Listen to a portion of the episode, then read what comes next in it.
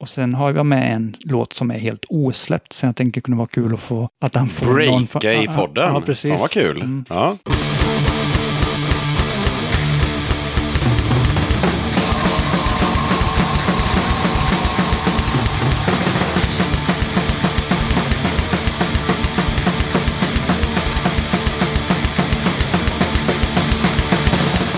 Du lyssnar på avsnitt 18 av Döda katten Podcast. Välkommen! Innan vi lyssnar mer på avsnittets gäst som du precis hörde så kör vi lite tips som har kommit in.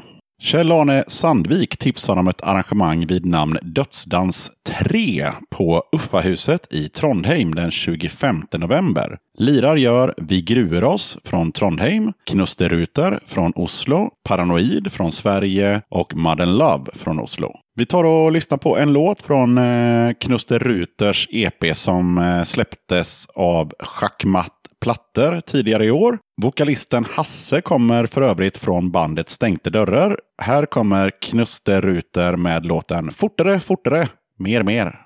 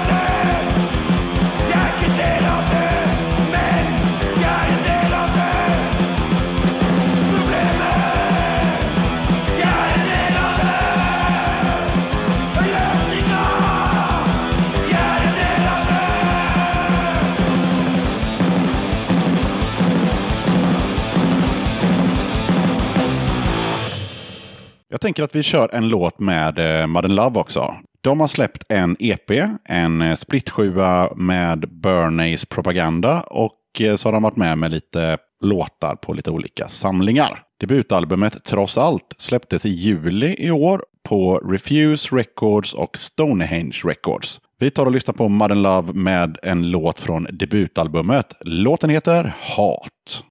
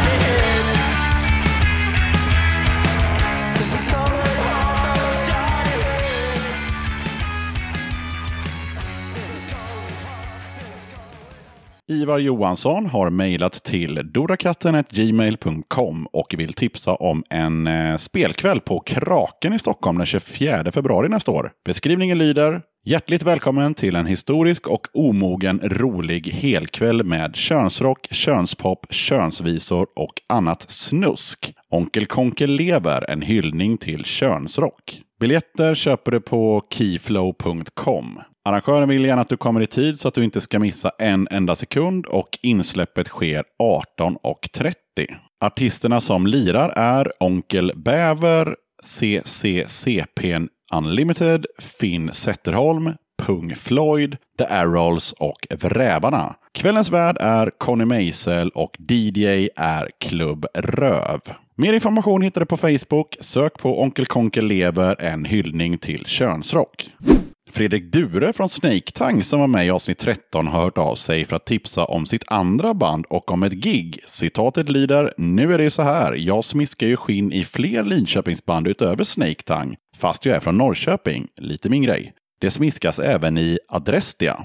Den 3 november på Cyklopen i Stockholm är det en stödspelning för Rojava som arrangeras av One-Eyed Punks och Punks for Rojava. Banden som lirar är Martyrdöd, Adrestia och Idiot Ikon. Låt oss ta en lyssning på Adrestia med ett spår som heter The Art of Modern Warfare.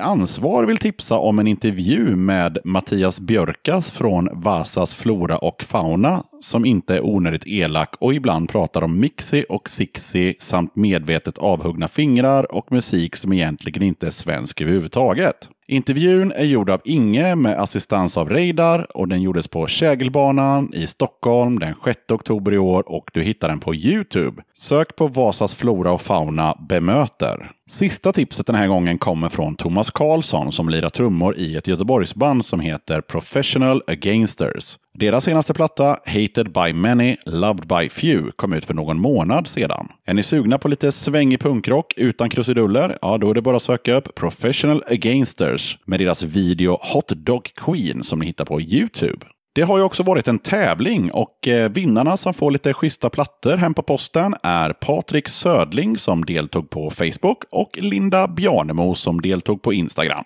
Grattis till er båda! Då tycker jag att vi går över till avsnittets gäst som alldeles strax kommer att presentera sig närmare. Döda katten podcast. Då har Döda katten kommit till Borås igen. Eh, trogna lyssnare vet ju att eh, katten var här i ja, slutet av februari, början av mars för att spela in avsnitt två. Och Då träffade vi en kille som heter Magnus som dagens gäst eh, känner, skulle jag gissa på. Eller det gör han ju. eh, men nu är det faktiskt dags för avsnitt 18. Och då är frågan, vem har vi med oss i podden den här gången? Ja, hej. Eh, Jag heter Johan Tenbrink. Jag kommer från Borås och är, ska väl inte säga att jag är aktiv musiker idag, men jag har hållit på med musik länge och eh, spelat i diverse konstellationer, bland annat med då Magnus som du nämnde här precis. Eh, ja, vad ska jag säga mer? Eh, 35 år, bor ihop med min hund Billy. Eh, Jobbar inom eh, textilindustrin här i Borås såklart, eftersom jag är från Borås. har inte jobbat heltid på ett par år och jag har även varvat med en del komvux nu senaste åren. Eh, Men nu i höst har jag faktiskt jobbat hela tiden. Och för lyssnarna så kan jag berätta att ehm, jag blev jätteglad när eh, Johan sa att han ville vara med i den här podden. För jag ehm, har länge, länge känt till vad han gör. Eh, delvis i alla fall. Och idag ska vi få reda på förmodligen saker som jag inte känner till. Men eh, vad jag har förstått i alla fall som en väldigt kreativ person. Kan du skriva under på det? här, Ja, kanske? jo, det, det kan jag väl göra. Jag har ju i alla fall varit väldigt kreativ, men sen då när jag började läsa komvux och sånt så har jag dragit ner ganska mycket på den kreativa processen. För att ja, det, för mig funkar det egentligen inte riktigt att kombinera, att ha så mycket i aktivt i tankeverksamheten. För att man går och jobbar på låtar så har man det i huvudet i princip hela tiden och, och tänker på att vad man kan göra och man ska skriva texter och sånt där. Men under hela mitt liv så har jag i alla fall varit väldigt kreativ och gjort väldigt mycket olika grejer, alltså rent genremässigt väldigt olika saker. Och alltid tyckt det varit väldigt roligt och önskat att jag haft ännu mer tid för att kunna prova grejer som jag inte har provat. Bara för att det hade varit kul att prova, men det finns inte, har inte funnits utrymme för det. Men har du gjort någonting annat utanför musiken som också är, liksom är kreativt så att säga? Måla tavlor eller nej, skrivit i någon nej, nej, tidning? nej. eller Ja, jag förstår saker? vad du menar. Ja. Eh, skrivit eh, på högstadiet försökte jag väl skriva lite så här korta noveller. Det var egentligen då jag lärde mig skriva, eller lärde mig, men jag tycker att jag lärde mig skriva då på högstadiet för jag hade en ganska bra svensklärare eh, som lärde mig det här med metaforer och eh, allegorier och allt vad det heter. Eh, och då skrev jag väl lite sådär två A4 kortnoveller men mer än så, målat till exempel, jag gjorde det när jag var liten, men eh, som alla har gjort när de var små liksom. Men eh, nej, utan det har varit musiken Ja. som har varit den kreativa jag vet inte, kan man kalla skateboardåkande för kreativitet? Det kan man väl, Ja. ehm, tycker jag. För det var ju egentligen det jag brann för mest då på högstadietiden i alla fall. Men eh, nej, inget annat så. Jo, jag har väl försökt nu. eh, Jag gjorde ju en video till en låt, eh, Orkidéer. Ja, just Eh. Den klippte jag faktiskt själv. Tanken var också att vi skulle gjort en video till Kärleksministeriet. Sen rann det ut i sanden. Och det tar ju jättemycket tid att klippa video och sånt där och filma allting och sådär. Men det är väl det enda också som jag kan komma på. Det hade jag också gärna Mm. om jag hade haft tid för att det var jävligt roligt att sitta och klippa video och även vara ute och filma och sådär. Jag har själv aldrig gjort någon video, men eh, jag lyssnade på en eh, podcast för några veckor sedan, Rockpodden. Eh, där, eh, han som har den intervjuade Jonas Åkerlund. Och pratade lite om vad han tyckte var roligast med att, ja, han har ju ändå gjort tusen videos liksom. Han tyckte att det roligaste var just att eh, sitta själv och klippa efteråt. Allt det här med att träffa de här personerna han skulle spela in med. Ja, när han var yngre var det lite kul så här att det var någon som var känd och jada jada. Men sen det roligaste var själva det här, för det är ju den kreativa delen, det är ju att sitta och klippa ihop det och få det som man vill och nörda ner sig och lägga tid på det. Där, eh, så även efter tusen videos så är det fortfarande tydligen det som är det Ja, roligaste. man tänker ju att han som, han måste ju säkert ha träffat hur många som helst av sina idoler eller vad man ska Ja, säga. det, men det, ändå det inte- går de igenom och det har han. Så att han är liksom mätt på det. Men, men han tycker fortfarande att det är kul att, att sitta och klippa ihop en video. Nej, Liksom. men visst, så är det ju när jag gör musik också. Det är inte själva inspelningen i sig som är det roliga. Det kan jag nästan tycka är det, är det tråkigaste. För att det tar tid och man gör feltagningar och sånt där. Men sen efterarbetet, dels mixandet och producerandet, men även då att liksom finpolera och, och klippa upp saker och ja, man kan vi pratade om det innan här, men man kan ju snöa väldigt mycket på det och lägga mer tid än vad man kanske behöver göra. Men det är, Alltså, ändå, det, det är- en tillfredsställande process. så- Ja, och det kan jag väl säga till lyssnarna. Jag lägger väldigt mycket tid på att klippa den här podden. Saker som förmodligen ingen hör. Alltså det är ingen som hade brytt sig om jag eh, tog bort den här lilla bumpet eller vad det nu kan vara. Men för mig är det viktigt att den inte är med. eller så. Nej, nej, så jag att känner det- precis likadant. Eller att det ska vara någon hundradels sekund längre paus. Liksom, För att det ska låta bra för den som lyssnar.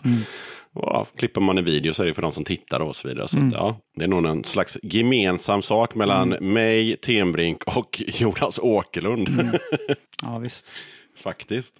Men vi ska också försöka göra någon slags eh, typ av diskografi här med, med Johan. Och ehm, det, det var inte så lätt att göra research. Det fanns ingen Wikipedia om Johan Tenbrink, vilket det borde göra. Eh, Det fanns, vad hette den gamla sidan? Före Wikipedia fanns det en svensk sida.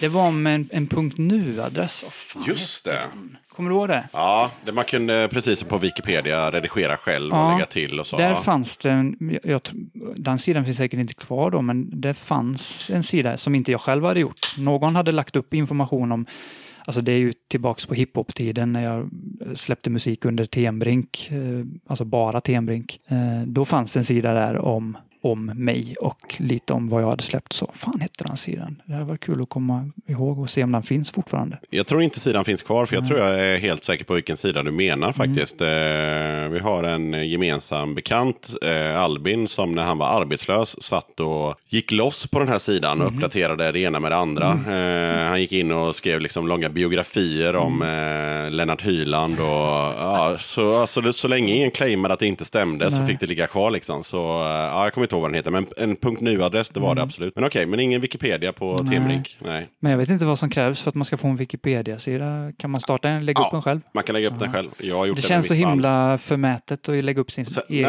nej, fast det är inte det. För att folk söker information och grejen är att eh, de är ganska... Jag kommer ihåg att jag la upp en gång för eh, mitt förra band, eh, Slaktattack. Mm. Och då kom det in folk och bara så här, ah, men den här är inte tillräckligt... Den här sidan, alltså det du har skrivit, det är inte tillräckligt bra. Det är för lite fakta och det är för lite så här. Så då fick jag göra om den. Men behövde du ha, var det noga med alltså ha referenser och sånt eller? Ja, nej, inte så mycket. Utan det var mer så här att de ville ha skivbolagsnamn på skivorna, årtal när skivorna kom ut och sådana saker. Så det finns en med mitt nya band som jag själv har lagt upp. Och den får ju ligga kvar tack vare att jag har hållit mig till reglerna så att säga. Då. Så att, eh, nej, men det är ganska bra att göra en Wikipedia. Ja, så kanske sätt. kolla på det då, men det känns lite så, så ego, egocentriskt. Fast det är ju inte det Nej. egentligen. Det handlar ju bara om att någon vill ju Ja, kolla lite mer om Johan. jag har ju min så- hemsida, tebring.se, men jag tror inte den, eh, den kommer nog inte upp sådär jätte... Den kommer upp men den innehåller i stort sett ingenting. Så att, Nej, eh, den i. innehåller lite texter, texter. och så. ja. Vi ska inte snöa in på det, men eh, det är därför vi har gjort den här podden. Vi ska få reda på mera om, om, om Johan, eh, den här kanalen helt enkelt. Eh, och, eh, men det jag fick fram i alla fall i researchen, det var att på något sätt så kom eh, Johan in på musiken via hiphopen. Stämmer det? I stort sett kan man säga att det- var så. I alla fall att göra musik själv, alltså egenproducerad musik. Första framförandet jag gjorde av med egen musik var när jag gick i femman på mellanstadiet. Jag och två klasskompisar. Väldigt inspirerade av just det. Om du kommer ihåg när de släppte den skivan med Vart tog den söta lilla flickan vägen? Nu snackar vi 90-tal igen. Jajamän. Och då gjorde vi en låt, vi kallade oss Deg Balla Kuna. Och så hade vi en låt som hette Likman. Och vi uppträdde på, vi hade så här årlig talangjaktstävling på skolan, eh, Asklanda skolan i Frista. Och så uppträdde vi med den låten och vann. Och jag var till och med så ambitiös att jag hade med mig ett jättegammalt turntable så jag scratchade låten och allting. Så man kan säga att hiphop, för jag håller väldigt fast vid att just det är hiphop. Det är ju inte alla som kanske håller med om det. Men Jag håller med. Ja, att börja göra egen musik. Men sen så var jag väl också före det, innan jag upptäckte hiphop och sådär, så var det mycket Michael Jackson, kanske när jag var runt tio. Fram, alltså, alltså när jag började intressera mig för musik, det var Michael Jackson som var först.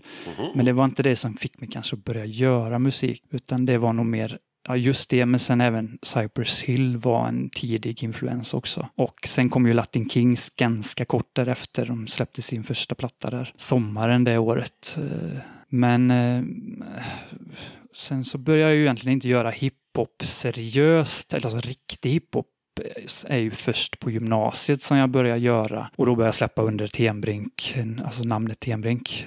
Och före det på högstadiet så gjorde jag inte så mycket hiphop utan då gjorde jag faktiskt en del trance och lite mer eh, elektronisk musik. Eh, Men eh, en fråga där bara. Mm. Tenbrink som jag läste mig till på internet var ju alltså Tenbrink med bindestreck. Jajamän.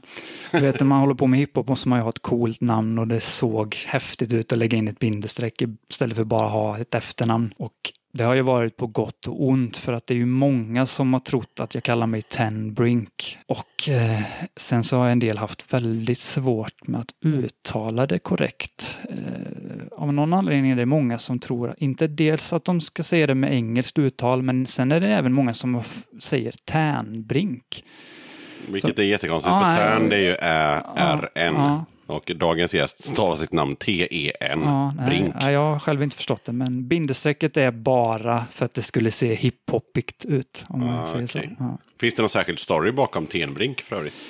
Eh, ja, eh, det är ju taget efternamn. Jag tror att min farfar hette Andersson om jag inte minns fel.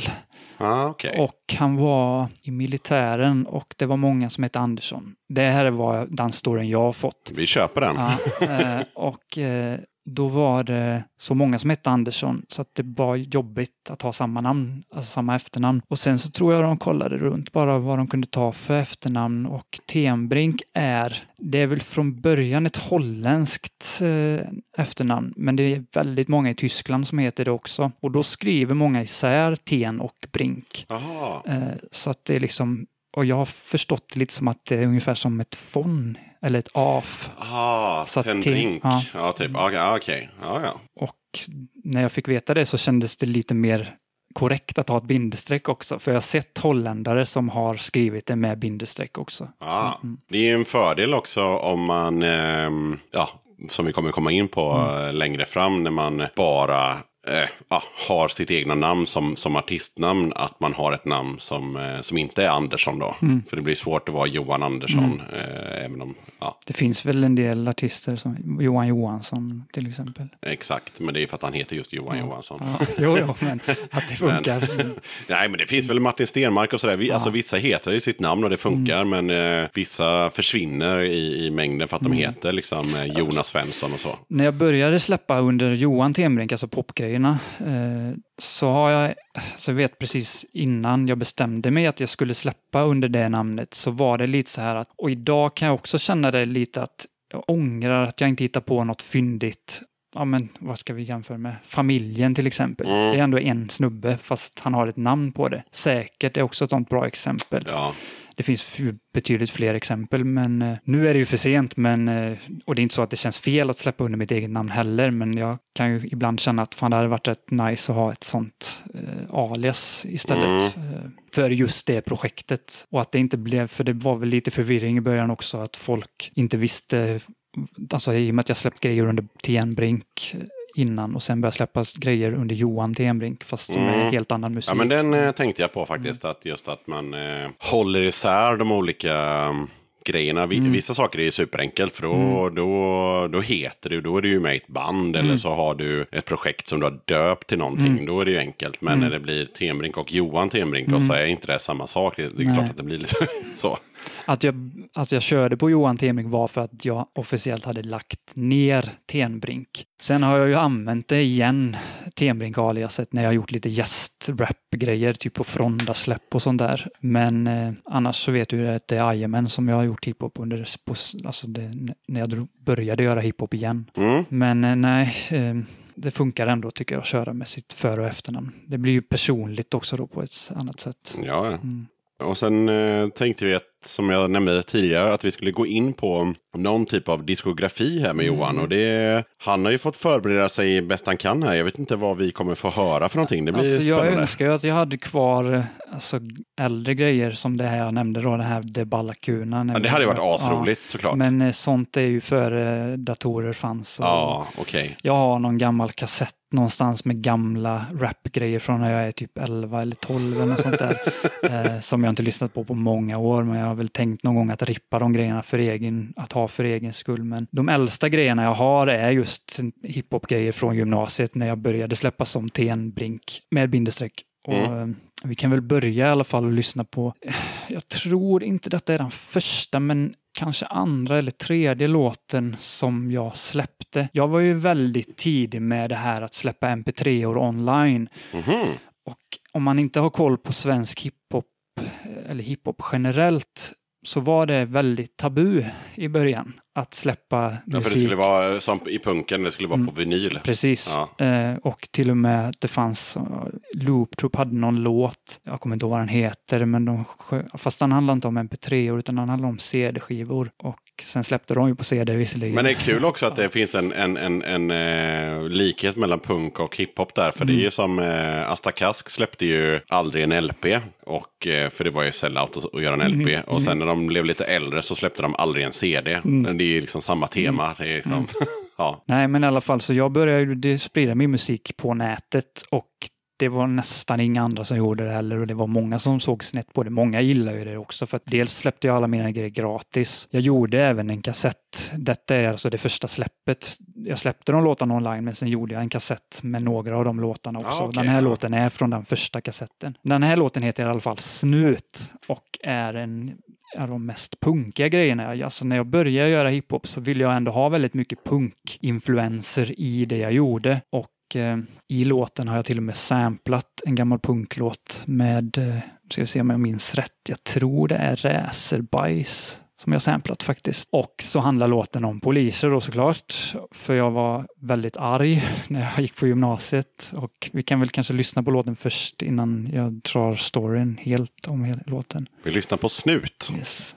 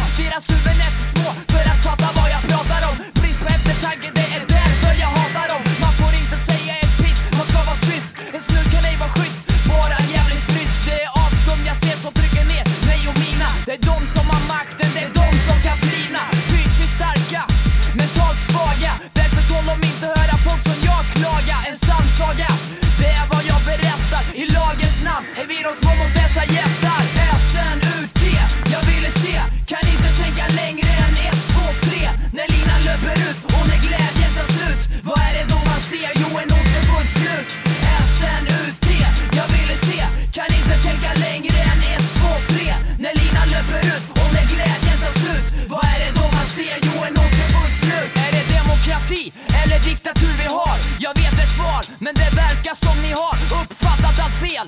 Något är helt snett. Jag bara undrar, ska folk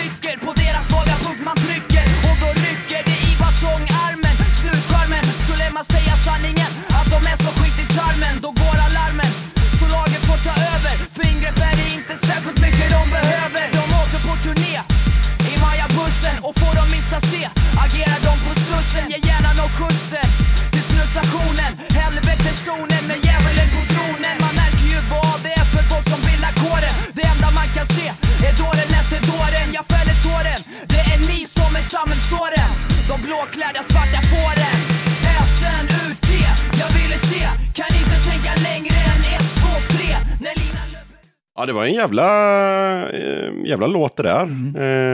Ehm, lät inte så, ja, i mina öron, jag är inte så inne på hiphop, men i mina öron inte så daterad ändå. Alltså, och du pratar om att det här var från 90... 99. Ja. Eh, Jag släppte första versionen 99 tror jag. Detta är väl en, en jag bytte ut virveltrumman tror jag för den här versionen som jag nog, jag tror att jag la ut den 2000 på min eh, gamla hemsida som jag hade på den tiden. Eh, Nej, men det är alltså storyn bakom den låten är väl lite kul att dra i alla fall för att det var första gången jag skrev den efter att jag blev tagen av snuten första gången. Och jag tror att jag var 17, kanske 16 och eh, var ju packad på stan och Eh, det kom poliser på häst och såg att vi gick och drack bärs och det får man ju inte göra så då var vi tvungna att hälla ut bärsen och jag var rätt full och blev jävligt sned. Sen när de var på väg därifrån så ropade jag fascister efter dem fascister eller fascistsvin eller något sånt där. Och det gick ju inte hem då, utan då blev det ju tvärvändning från de poliserna. Så de red upp jämte mig med häst. Ena hästen trampade mig på foten och jag fick åka med i polisbilen och kom till stationen.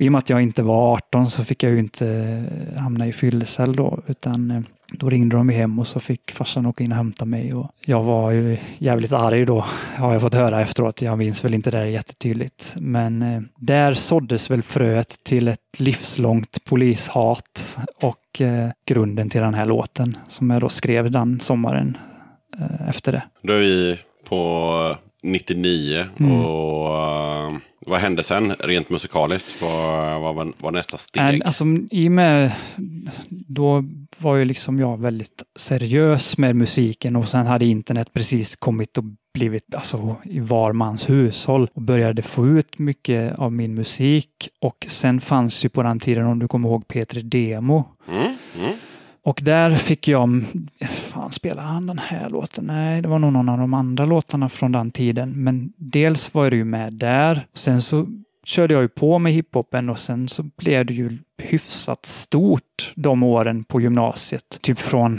eh, slutet på första eh, klass till trean och sen en bit efter där. Så jag gick väl in mer till renodlad hiphop, inte så punkig hiphop kanske, men mer politisk hiphop. Och eh, jag gjorde, alltså som var hitten då på den tiden för min, mitt hiphop-projekt, en låt som heter Rappakalja och det är väl den som jag var mest känd för. Mhm. Eh, och den blev spelad ganska mycket i, om du kommer ihåg, det fanns ett program som heter P3 Hiphop som Timbuktu hade. Mm. Och han eh, gillar ju den låten väldigt mycket och den spelades, de hade ju en sån eh, svensk, fan hade de, kallade de den, demolista eller något sånt där och den var med länge på listan och den låg etta en eller två veckor till och med tror jag. Eh, och jag tänkte att det är väl nästa låt vi kan lyssna på för det är där det liksom pikar med hiphopen och samtidigt efter det som jag börjar tappa intresset för hiphopen och börjar Ah, känna att ja, jag liksom... Det känns ju som en otroligt bra Mm. låt för jag varit eh, taggad direkt. jag hoppas att ni som lyssnar känner samma sak. Och jag kan ju tillägga då, eh, när jag gjorde den här låten, det är nog 2001, så var det lite på modet med att göra vad man kallade för bounce. Eh, att det var, man an- körde på ganska långsamma beats, för så rappar man upp i dubbelt så snabbt tempo. Det var många svenska akter som gjorde så kallade bounce-låtar.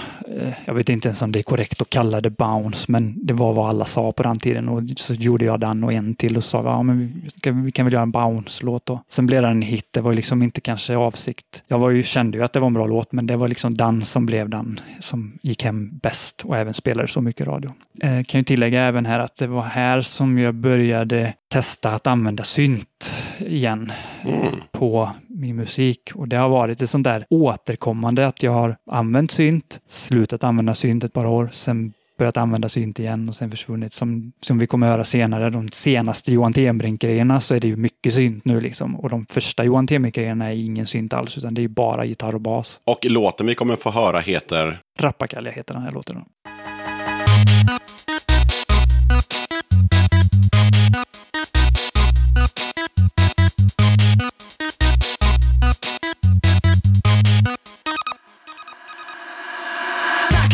Snacket och vackert får man stå och ta del av skådespelet. Man kan undra vad råder felet?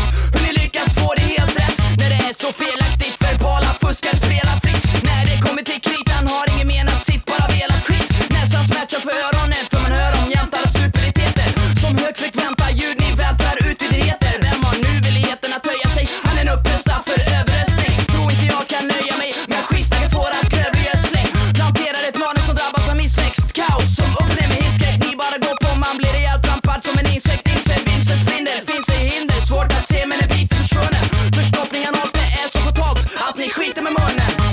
ni vara tysta? Det innefattar alla. Tänk innan ni talar.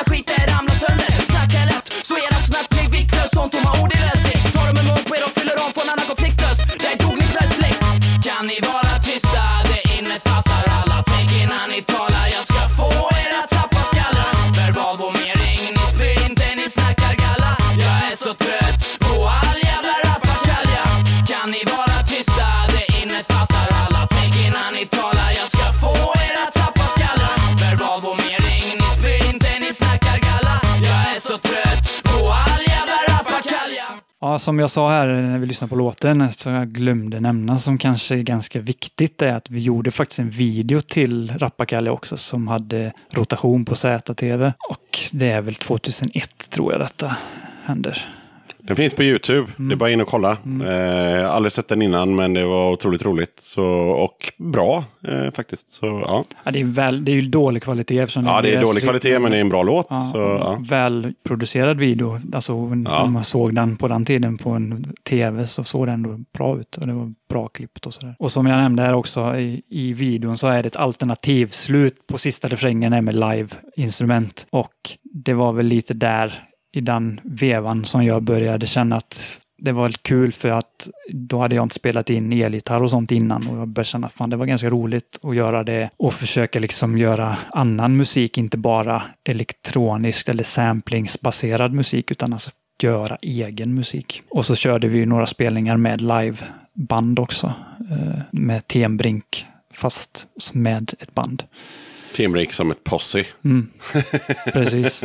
Okej, Ehm, men var det här någonstans du kände liksom att nu fick det vara bra med hiphop på något sätt? Eller var det... Eller? Inte helt, för att efter detta, jag la ju ner hiphopen kanske helt totalt som med Tenbrink. Jag släppte inte mycket de åren, men den sista jag släppte var nog 2005. Men då var det liksom sådär strö mp3-or bara. Men före det, efter Rappakalja-tiden, då började jag ju nosa på att göra mer rock influerad musik. Jag släppte ingenting då utan det var mer en sån här övergångsprocess att jag liksom ville känna på dels vad jag ville göra och jag testade att göra hiphop-struktur på låtarna fast med elgitarr och typ sångrap. Jag vet inte om du lyssnat något på Thomas Rorschach. Han gick ju över mer och mer till att bli en renodlad rockmusiker och jag var ganska influerad av det han gjorde. Men jag släppte ingenting, men jag gjorde hela tiden musik. Men parallellt med det eh, så hade jag och Mange onykterhetsrörelsen. Så det var ju renodlad hiphop.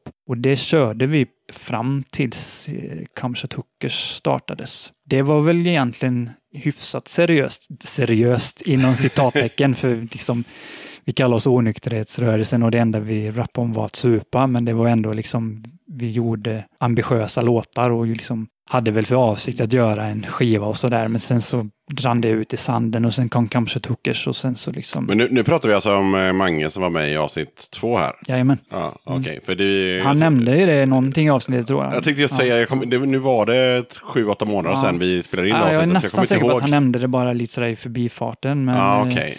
vi höll väl på med det i en två, tre år i alla fall tror jag. Var det bara ni två? Eller Ja, var ni, först var det bara vi två. Sen kom ju Tobbe Standard in som DJ. Han rappade ingenting, men han liksom, vi ville ha en DJ när vi körde live. Och så frågade jag honom om han ville vara med och sen så var det väl, blev det väl per automatik att han blev med i gruppen också. Han gjorde ju inga beats och sådär eh, till de låtarna vi släppte, men han var med när vi körde live. Mm. Och då rappade han även live. Alltså han var med som en backup-rappare. Ah, okej. Jaha. och DJ. Eh, mixa ihop låtarna och sådär. Eh, och la in lite, vad, vad heter den, du vet man lägger in någon annans beat i låten. Mm. Jag vet inte om man gör det idag, men det var rätt vanligt eh, hiphop-spelningar då att man tog en annan känd hiphop-låt och så la man in fyra beats, eller fyra bars med det beatet och sen gick man tillbaks till originalbeatet. igen. Mm, för att få lite, så här, lite effektsökeri nästan. Mm, ja. Precis. Så det är egentligen det jag har tänkt att vi kan lyssna på härnäst, Onykterhetsrörelsen. Och då heter den här låten också Onykterhetsrörelsen. Den här tror jag du har hört, för att den här har Jonk spelat ganska mycket. Som när vi var på Emmaboda första två åren. Man kan också säga att eh, nu tittar Johan på mig som att jag borde komma ihåg det. Och eh, Nej. det enda jag kommer ihåg från eh, Emmaboda var att eh, en gång så gick jag och Johan ner på bolaget i Emmaboda och köpte bara glasflaskor. Och sen så kom vi tillbaka till Emmaboda-festivalen och kom på att just det, det enda man inte får ha här är just glasflaskor. Ehm, Hade vi inte köpt sådana här sliskiga grejer bara då? Typ Bacardi Breezer? Jo, och, ja. exakt. Vi fick låna Jonk då som eh, har varit med i ett avsnitt. Vi fick låna hans eh, Visakort och vi skulle köpa Bacardi Breezes och sånt. Och sen så gick vi ner och gjorde det och sen när vi kom tillbaka till festivalområdet så kom vi på att shit, fan man får inte ha. Men la, la inte vi oss utanför då och drack upp det här? Jo, Ja. det var det vi gjorde. Vi drack inte upp alltihopa, men det vi gjorde, eh, vilket jag, det är en av mina bästa minnen med Johan, det är att eh, istället för att komma på en kreativ idé hur vi ska få in de här glasflaskorna, så la vi oss i ett dike och tog varsin breezer och kollade på hästar som var i, i en hage. Jag kommer ihåg att det kom en kille som inte vi kände, som gick in i hagen och började klappa hästarna. Mm. Kommer du ihåg det? Ja. Och det? Jag vill minnas att jag tyckte det var himla fint, ett fint ögonblick. Sen kom det en tjej och sa, du eh, just nu så är de här vakterna så otroligt upptagna av att prata med varandra så ni kan nog ta era glasflaskor och gå in på festivalen. Och så blev det. Yes, det är om festivalminnet. Nej, hur som helst, den här låten heter Onykterhetsrörelsen och det var väl vårat anthem och eh, en av dem, det var väl den mest kända låten med Onykterhetsrörelsen. Kul! Supa is the law! Onykterhetsrörelsen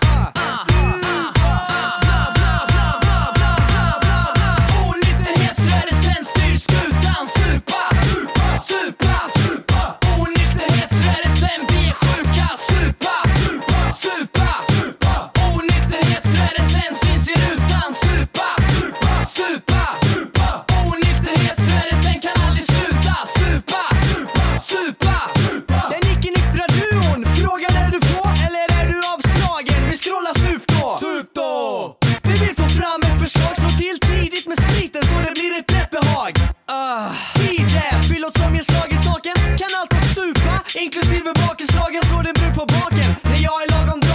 Dragen, en bakom flätet och jag spyr bakom haken. Jag vaknar upp naken, får till oss som en skumma och vissa säger de som väljer mitt håll, de är dumma. Struntprat, att vara packad är ju underbart. Jag vill bli levererad med ett dunder och brak. Några stunder av hat, nej fyllan är det kärlek. Jag älskar flaskan, är förbryllad av dess närhet. Nykter propaganda med exet dumt som den irriterade rösten på freesex.com.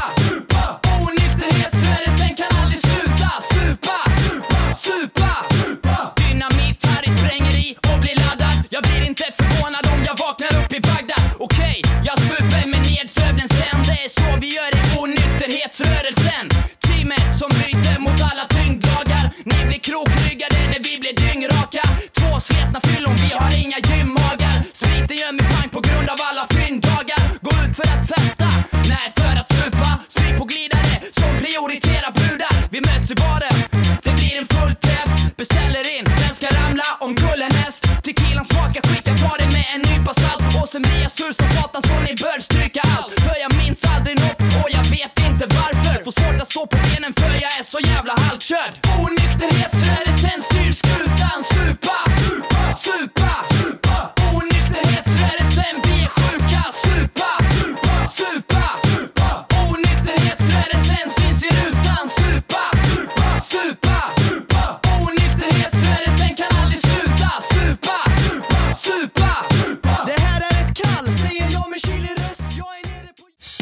katten podcast. Jag passar på att hoppa in här lite snabbt för att berätta att du har möjlighet att stötta Döda katten om du tycker att det jag gör är bra och att du vill höra fler avsnitt. Döda katten sträcker ut en hand för att få hjälp med att fortsätta leverera avsnitt om punk och alternativscenen med regelbundenhet. Att driva Döda katten podcast medför kostnader i form av ljudhotellshyra, porto, teknik, domännamn, program, inköp av merch, resor och en hel del annat. Om du vill hjälpa podden ekonomiskt så är det ovärderligt. Det hjälper mig att driva podcasten men även utveckla innehållet, dels gällande gäster men även ljudkvalitetmässigt. Du måste absolut inte vara en Patreon för att kunna lyssna på podden. Döda katten kommer alltid att vara gratis för dig som lyssnar. Men om du kan tänka dig att månadsvis bidra med några kronor så kommer ditt stöd verkligen att uppskattas. Jag gör inte podden för att tjäna pengar. Jag gör det för kärleken till punken, för alla möten med härliga människor och framförallt för er som lyssnar. Eran feedback är den största anledningen till att jag fortsätter. Kika gärna in på patreon.com dodakatten. Länkar till kattens Patreon-sida hittar du på Döda Kattens Instagram, Facebook, Twitter och eh, på dödakatten.se. Onykterhetsrörelsen fick vi höra där. Med låten Onykterhetsrörelsen. Var det, var det den stora hitten? Det var väl den som var mest, alltså som flest hade, lyssnade på.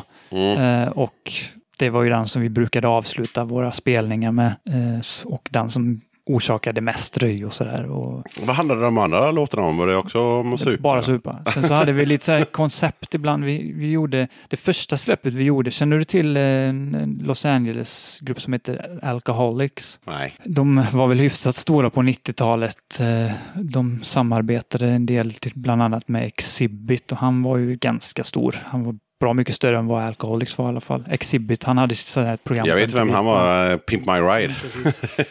Eh, de hade sitt Liquid Crew. Men de, gjorde ju, de hade ju det som koncept då att rappa om att supa, dricka 40s och sådär. Och då, det första vi gjorde var en cover-EP på åtta Alcoholics-låtar fast vi, alltså vi tog beat, originalbeatset och, eh, och gjorde svenska texter inspirerade av originaltexterna men ändå inte inga direkta översättningar för jag Mm. menar du vet du ska rimma och sådär. Och eh, då var det bland annat en låt som vi, heter Kapten Krok och då var konceptet att Kapten Krok var en militant nykterist som gick och snodde, eh, snodde sprit och hällde ut den. Så då handlar hela den låten om är hur man skulle bekämpa Kapten Krok. Originalet heter Captain Hook och den handlar väl ungefär om samma sak. Men så vi hade liksom ändå temagrejer fast det var bara om supa ändå. Och sen eh, där någonstans så...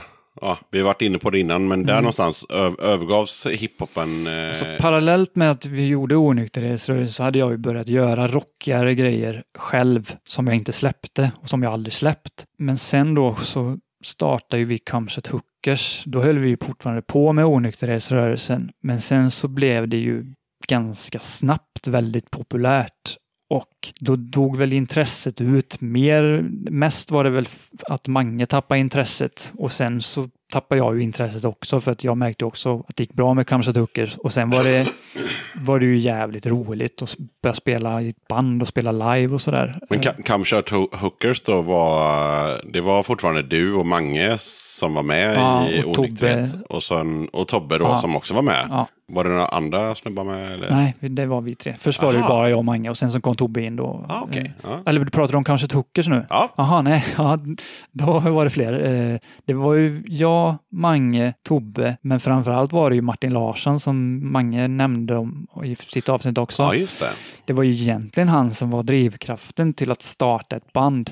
Om jag inte minns fel så fick han en elgitarr när han fyllde 20. Eller om det var 25 måste det varit. Fan, vi var väl inte 20, vi var 25. Nej, vi var väl så gamla. Jo, vi var nog 25. Jag tror han fick en elgitarr när han fyllde 25 och ville spela i ett band.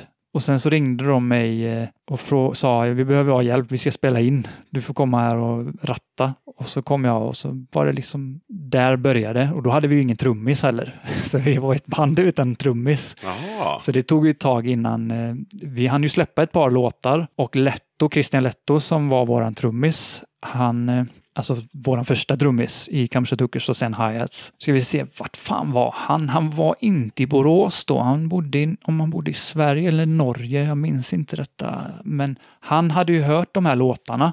Han är ju barndomsvän med Mange och Tobbe. Och han hade hört de här låtarna på något sätt, om det var, för vi släppte dem på nätet. Och han tyckte det var svinbra, så han, ja, han flyttade väl inte hem bara för att vara med i Kamschatukers, men han flyttade hem och så blev han våran trummis. Och eh, det var då vi började repa och gigga. För före det var det bara inspelning. Vi gjorde bara, vi hann nog göra en fem, sex låtar innan det ens började repas. Men, men ni hade någon slags känsla av att ni ville vara liksom ett, eh, ett vanligt rockband eller Det- punkrockband? Nej, det var eller... mer ett rockband från början. Det Ja. var ju, alltså de absolut första låtarna går ju mycket mer åt typ turbonegro-hållet än eh, vad det vad Hayat sen Ja. gjorde. Tycker jag i alla fall. ja, jag har ingen aning. Men, Du har inte hört de allra äldsta kanske jag hört, eller? ehm, jag har hört en, eh, några låtar med, med eh, Camshot Hookers då, som Mm. var det här bandnamnet som, som då sen blev Hi-Hats. Eh, har jag hört på en bränd CD-skiva som min fru hittade i ett vindsförråd i Borås för några år sedan. Så att eh, ja, det, det har jag hört. Men eh, jag funderar på om kam, vi gjorde ju den här Chewing Gum. Den har ju varit, levde ju med länge sedan även som hi-hats. Mm. Eh, Och det var ju en av de första låtarna med. Ja, men jag tycker ändå det är inte, det, det är liksom hyfsad skillnad på de första Kamsat Hookers-grejerna och vad som sen första hi-hats-plattan som är mer en punkrock, en poppunkplatta. Eh, Och det tycker Det jag är det absolut. Mm. Det är en poppunkplatta av, av rang med, med starka refränger. Mm. Och, ah, det är, det är feel good all over. Mm. Ehm, absolut. Men eh, ja, du får själv säga vad, hur, hur, hur det lät på Camshot Hooker-stilen. För där, som sagt var, jag har bara hört ehm, den här eh, serien då, som sagt Mm. var, för många, många år sedan. Jag har ju låtarna, men jag tänker att vi kanske inte behöver spela dem. Det är ju inte jag Nej. som har skrivit de låtarna heller, så att det inte, har inte riktigt den relevansen. Eh, Men jag ska tillägga även för att fråga om det vad vi hade för avsikt, om det skulle vara ett band eller inte. Det var det nog egentligen inte. För min del var det inte så att jag ville vara med i ett band. För jag ville ju ändå göra solomusik. Utan det var mer att, du vet, det behövs en basist i ett band. Ja, det gör ju det. Ja, och då är det lätt att man halkar in där. Om man ha- hamnar i ett band och inte har för avsikt att hamna i ett band så är det lätt att man kommer via basistvägen. Eller i- så har jag fått känslan. Ja, det, det har vi liksom. pratat om i tidigare avsnitt. Att Mm. eh, ja, det verkar vara så. Om vi säger så här då. Camshot Hookers, eh, vilket är ett väldigt dåligt bandnamn eh, för övrigt. Eh, Vi sålde jävligt mycket merch på grund av bandnamnet och eh, det var ju många som uppskattade, du vet, många så här eh, tidiga, sena, sen tonår, tidig 20 år, tycker det är svincoolt att ha en t-shirt som det står Kamshat Hookers på. Ja, ja. Vi sålde det köp- svin mycket merch i början. Och eh, återigen, det, Johan skrev inga låtar där i, men du var ändå med. Och, Mm. eh, och sen så, så blev ju då på något sätt Camshot Hookers eh, hi-hat. Så hur, Mm. hur skedde den liksom, transformationen? Ni var väl inne lite på det, du och Mange, när ni pratade, men det var väl det att eh, Jonk upptäckte oss, hur vet jag faktiskt inte. Det var väl via ryktesvägen eller något sånt där. Och han bokade ju oss som Kamsat Hookers. Vi spelade som Kamsat Hookers på show... Nej, vänta nu. Hade han showdown på Henriksberg på den tiden? Han har haft showdown sen eh, Ja, men hade du han och det jag på gick i Henriksberg?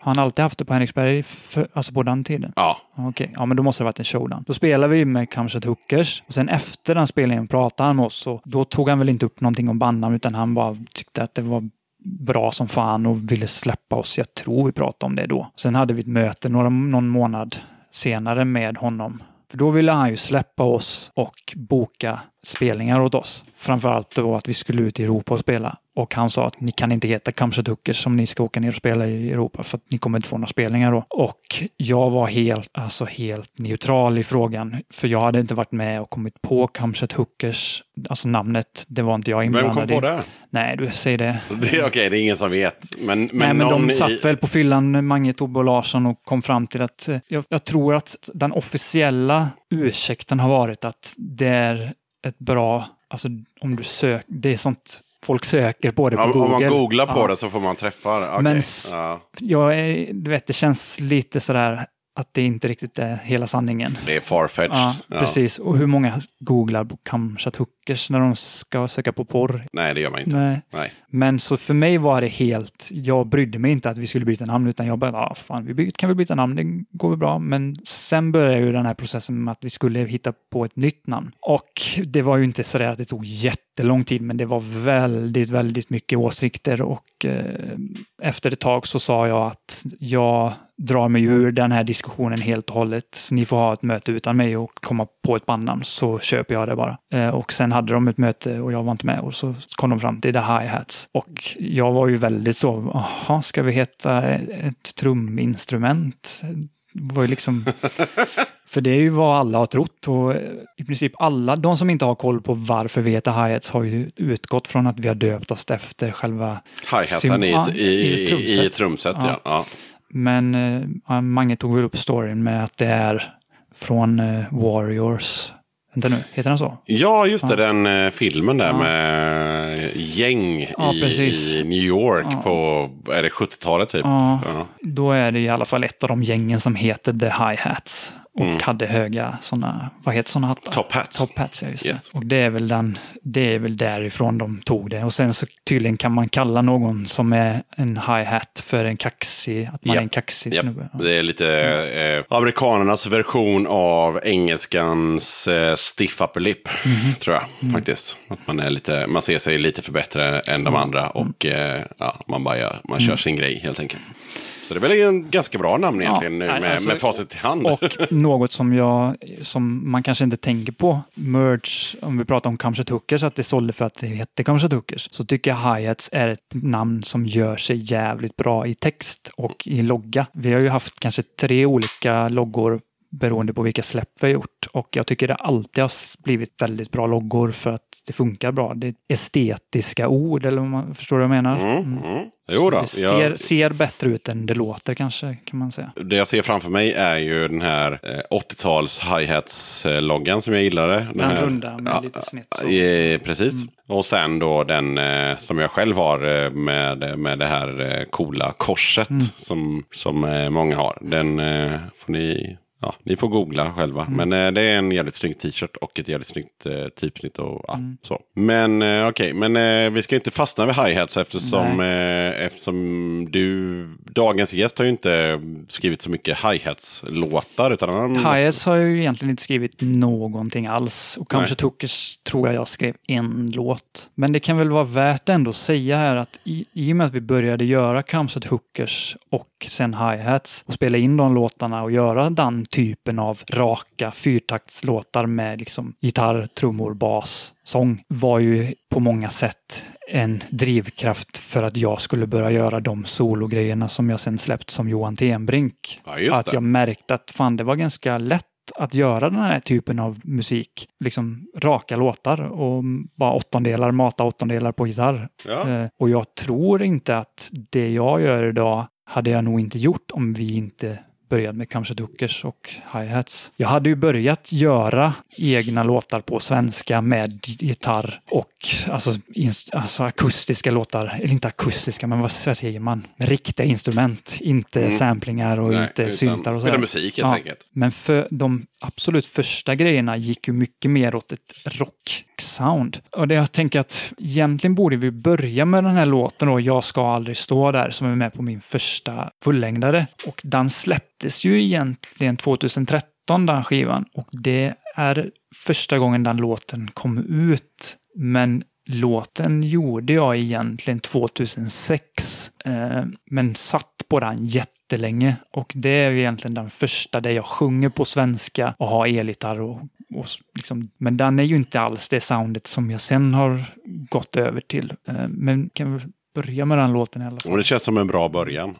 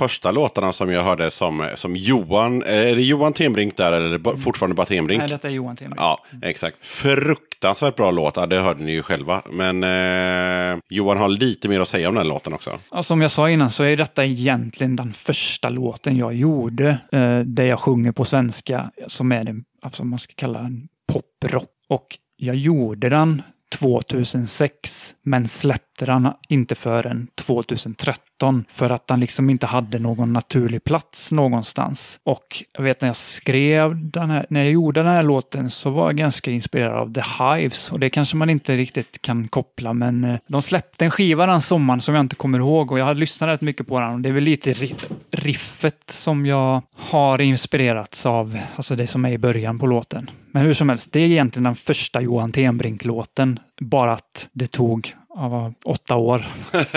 Nej, Ja. inte åtta, sju år. För den att officiellt släppas. Så jag har ju släppt, jag släppte ju Johan Tenbrink-grejer före jag släppte den här lå- låten. Det första släppet jag gjorde är ju den låten som heter Billy. Eh, Jag vet inte, ska vi lyssna på den eller? Det tycker jag verkligen att vi ska göra. Och, eh, den är ju med på samma skiva som eh, Jag ska aldrig stå där är med på. Den första fullängdsplattan. Men jag släppte Billy som singel 2008 tror jag. Och det är det första alltså, som var en riktig singel. Förutom att jag inte släppte den fysiskt då, men den var på iTunes. Och då fanns ju inte Spotify, men fanns det mer iTunes? Och... eh, det fanns ju... Eh, Fanns det någon som hette Clicktrack? Det fanns ju ett par andra tjänster som såg ut ungefär som Soundcloud, kommer jag ihåg. Eh, Mm. det, jag la upp musik med mitt band också. Eh, men det var samma, samma tänk där. Kommer inte fan inte ihåg vad det heter, men det var gratis i alla fall. Man kunde lägga Du upp. tänker inte på Groove Shark nu eller? Jo, det Ja. gör jag. Ja. Men ja, jag hade nog låten där också. På den tiden var det jävligt mäckigt att släppa din musik digitalt. För att om du inte skulle släppte mp3 då, du var tvungen att gå via, det måste du idag ju också om du ska ut på Spotify, så måste du fortfarande gå via en digital distributör. Absolut, absolut. Men på den tiden var det skitomständligt. Men jag tänkte bara så här, innan vi lyssnar på låten Billy, Mm. som jag är supersugen på att höra, så tänker jag så här. Johan har ju en hund som heter Billy, Mm. som eh, jag träffade för första gången idag. Han är as. Han, ja, han är tydligen lite, ja, jag vet inte hur han är riktigt, men eh, jag, han, han, Du har aldrig träffat honom hos Jonk eller så? Nej, nej. Så att han, men jag, jag gillar honom. Han men, är inte den mest sociala hunden. Nej, han är lite, han är lite så, men han är jävligt eh, söt storyn bakom låten är väl egentligen ganska tråkig. För att jag hade hittat en ny trumplugg som jag testade och hade rattat fram det, ett trumljud som liksom var nytt. Det var nytt för mig och jag tyckte det här lät för rätt gött. Och sen så tänkte jag, ja, men jag kan testa att göra en jävligt enkel låt med det här trumkomp, alltså det här trumsoundet. Så jag tog bara ut några ackord och sen tänkte jag, vad ska jag skriva för text? Och så hade jag inga idéer. Och ja, men jag kan skriva en, en låt till min hund då, i brist på annat. Sen så blev den ju bra mycket bättre än vad jag trodde att den skulle bli och eh, jag vet att det var många som gillade den jättemycket också när jag släppte den. Detta, var, detta är alltså den första låten jag släppte som en singel som Johan Tembrink. Även om Jag ska aldrig stå där gjordes tidigare så är det här första riktiga släppet.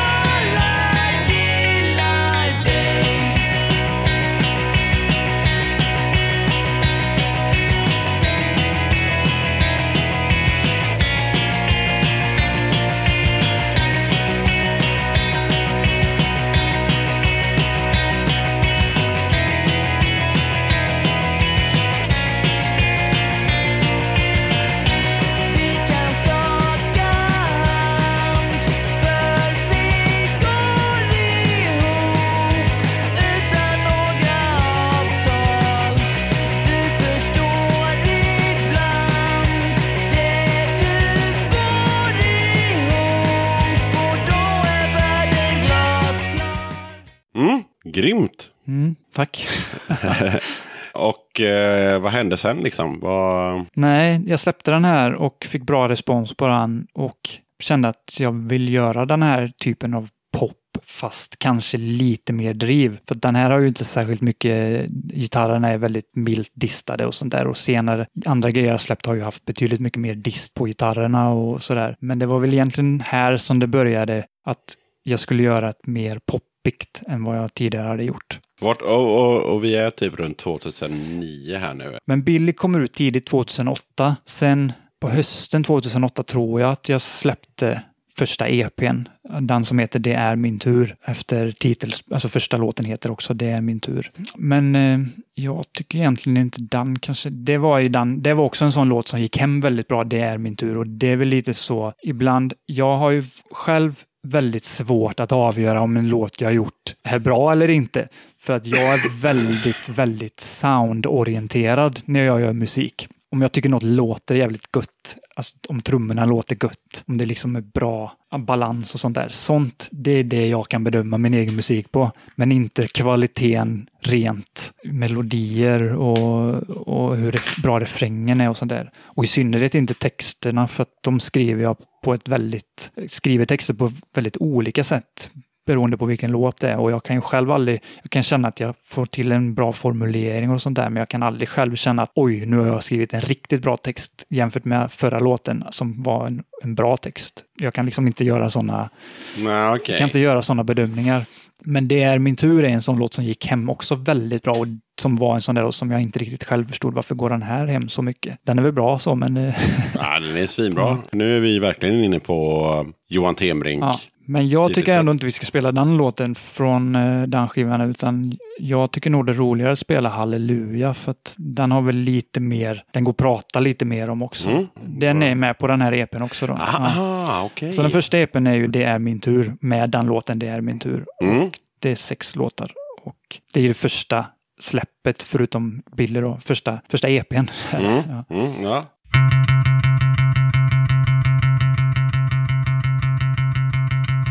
Du kan tro på högre makter. Det är så låg nivå som någon kan befinna sig på.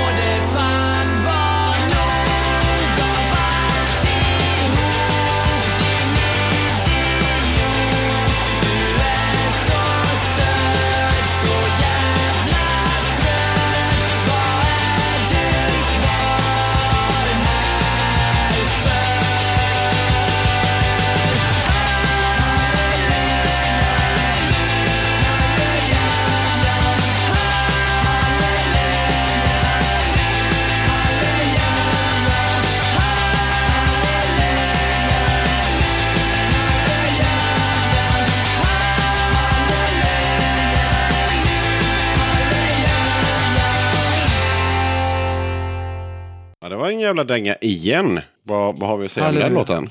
Nej, vad ska jag säga? Eh, Det är Halleluja heter han och det är väl en av de få texter som jag skrivit som är ganska tydliga i vad den handlar om och sånt där. Det är inte så mycket anspelningar utan det är bara rakt på sak. Ja, Eh, det är väl ingen hemlighet att jag inte har den eh, mest positiva synen på vad jag kallar vidskeplighet, men vad normala människor kanske kallar religion. Jag kände att jag ville skriva en renodlad anti-religion-låt. Och ja, det är väl vad den handlar om. En väldigt enkel låt också, kort bra. Eh, och eh, om man får använda ordet catchy så är den ju väldigt catchy.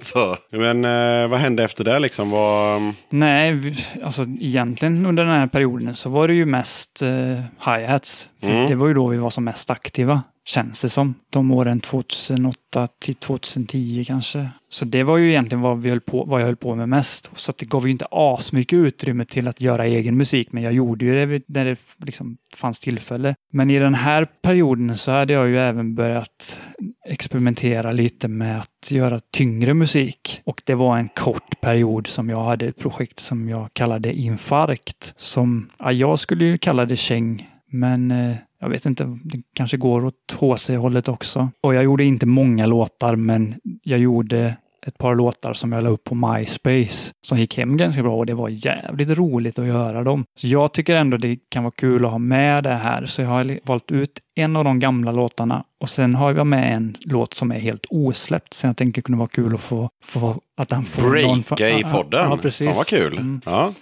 Men den första låten som jag spelar är en låt som heter Skjut dig själv. Och ja, den handlar ju egentligen inte om någonting, utan det var väldigt befriande när jag gjorde de låtarna att inte behöva skriva med rim. För att det behöver man inte göra när man gör käng. Och det var väldigt begränsande nästan kan jag tycka. Det var liksom lätt att trycka ur sig en kort text, men samtidigt så var det liksom, fan, jag behöver inte rimma här, jag kan skriva vad som helst. Så då måste jag ju ändå skriva något som känns viktigt. Det är eh, problemet med, Mm. eh, ja, eller utmaningen med att man ska uttrycka sig kort och koncist. Mm. Liksom. Ja. För jag som kommer från rap då, där man är så extremt i, alltså inramad i att rimma. Som jag skrev mycket av de gamla raptexterna utifrån rim. Att jag kunde komma på två rim, sen skrev jag raderna. Mm, för att det skulle rimmen. matcha rimmet, ja. Ja. ja. Och i, I punken, så, eh, ja, eller kängpunk framförallt, så har det ingenting med det. Utan Nej. det är bara att det ska ha två laddade textrader. Mm. Nu, Kul! Är, nu är ju inte den här texten särskilt eh, intellektuell, utan låten heter Skjut dig själv och det säger väl det Vi mesta. kör bara. Ja.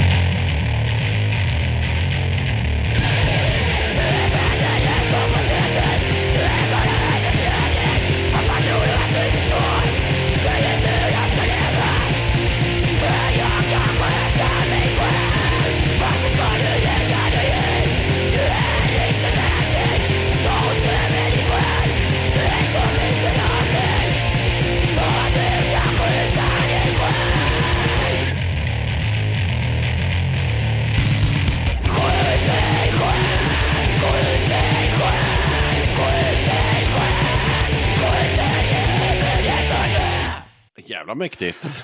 Lät ju hur bra som helst. Det är väl kanske lite oväntat också. Det är inte så många som känner till det här, att jag ens har gjort detta. Och de, när folk får veta så blir det många som blir väldigt förvånade. Och framförallt när de hör att det är jag som, sången är ju jag också sång. Ja, det- alltså, det är svinbra sång. Det är, eh, som vi pratade om här eh, när vi lyssnade, eh, fet jävla nedstämd bas. Ja, eh, väldigt långt från, eh, från Tenbrink. Men också en av anledningarna till att jag sitter i eh, Borås i ett kök idag. Den här killen har alltså gjort popmusik, eh, rockmusik, tydligen också då kängpunk. Så ja, det är bara så här lyfta på hatten.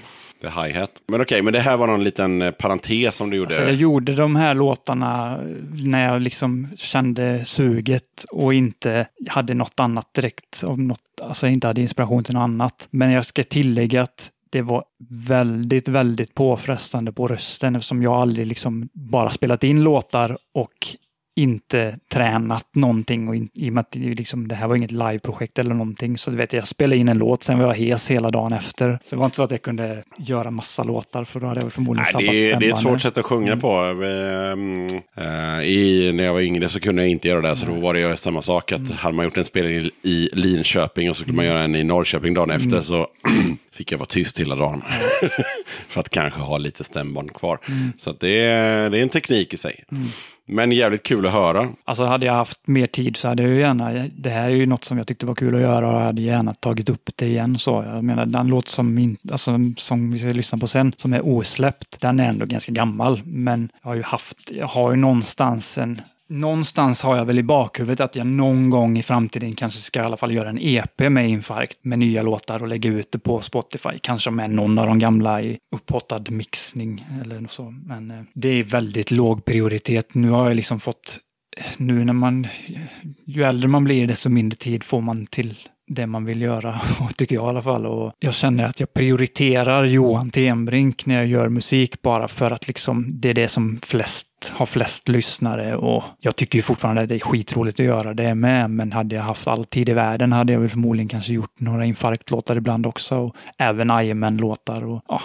Ja, vi kan ta den här sista låten med från Infarkt då. Den här låten heter Männen från skogen. Och det var en grej som jag och en gammal kompis, vi pratade om det där sådär skämtsamt, typ när domedagen kommer. Då pratade vi om, ja men får passa dig annars kommer männen från skogen. ja, det var en sån intern grej vi hade om att, ja, app, app, nu kommer männen från skogen och tar dig. Men eh, så lite sådär apokalyps och då kommer männen från skogen och tar Ja, dig. ta dig bara. Nu, okej. Vi kör Männen från skogen. Här kommer den.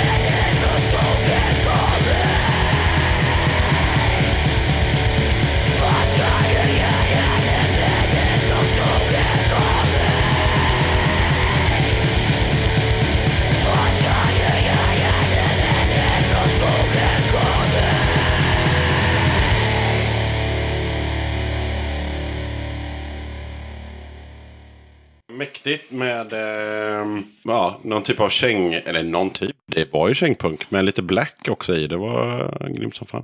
Ska man vara med i en punkpodd måste man väl ha något, någon form av koppling till eh, punken. Nu har jag ju ändå det från Highets också kanske, men Ja, jo. Men eh, vad, vad hände i turordning efter det? Vad... Alltså här någonstans de här åren så får jag väl tillbaks lite sug att skriva rap igen. Och jag minns egentligen inte varför. Det är väl mer att jag tyckte det var roligt. Jag har alltid tyckt det är roligt att skriva rap. Det är en, det är en kul struktur. Problemet är att det är så svårt att skriva en hel låt. Men då kom jag på att för jag ville ju inte börja släppa grejer igen under Tenbrink, alltså Ten med bindestreck, utan jag kände att då måste jag nog ha ett helt nytt namn på det här för att annars blir det jätteförvirring. För att jag hade ju börjat släppa grejer som Johan Tenbrink då också. Och jag vet inte varför jag tog Ajemän. Vi sa Ajemän väldigt mycket i alla sammanhang. Du vet, man pratar, ska du göra Ajemän? Jajamän. Ja. Eh, Så det kändes rätt naturligt att ha det som namn på det projektet. Och sen var det väl lite tanken från början att det skulle vara ett koncept på de låtarna också. Att de skulle vara...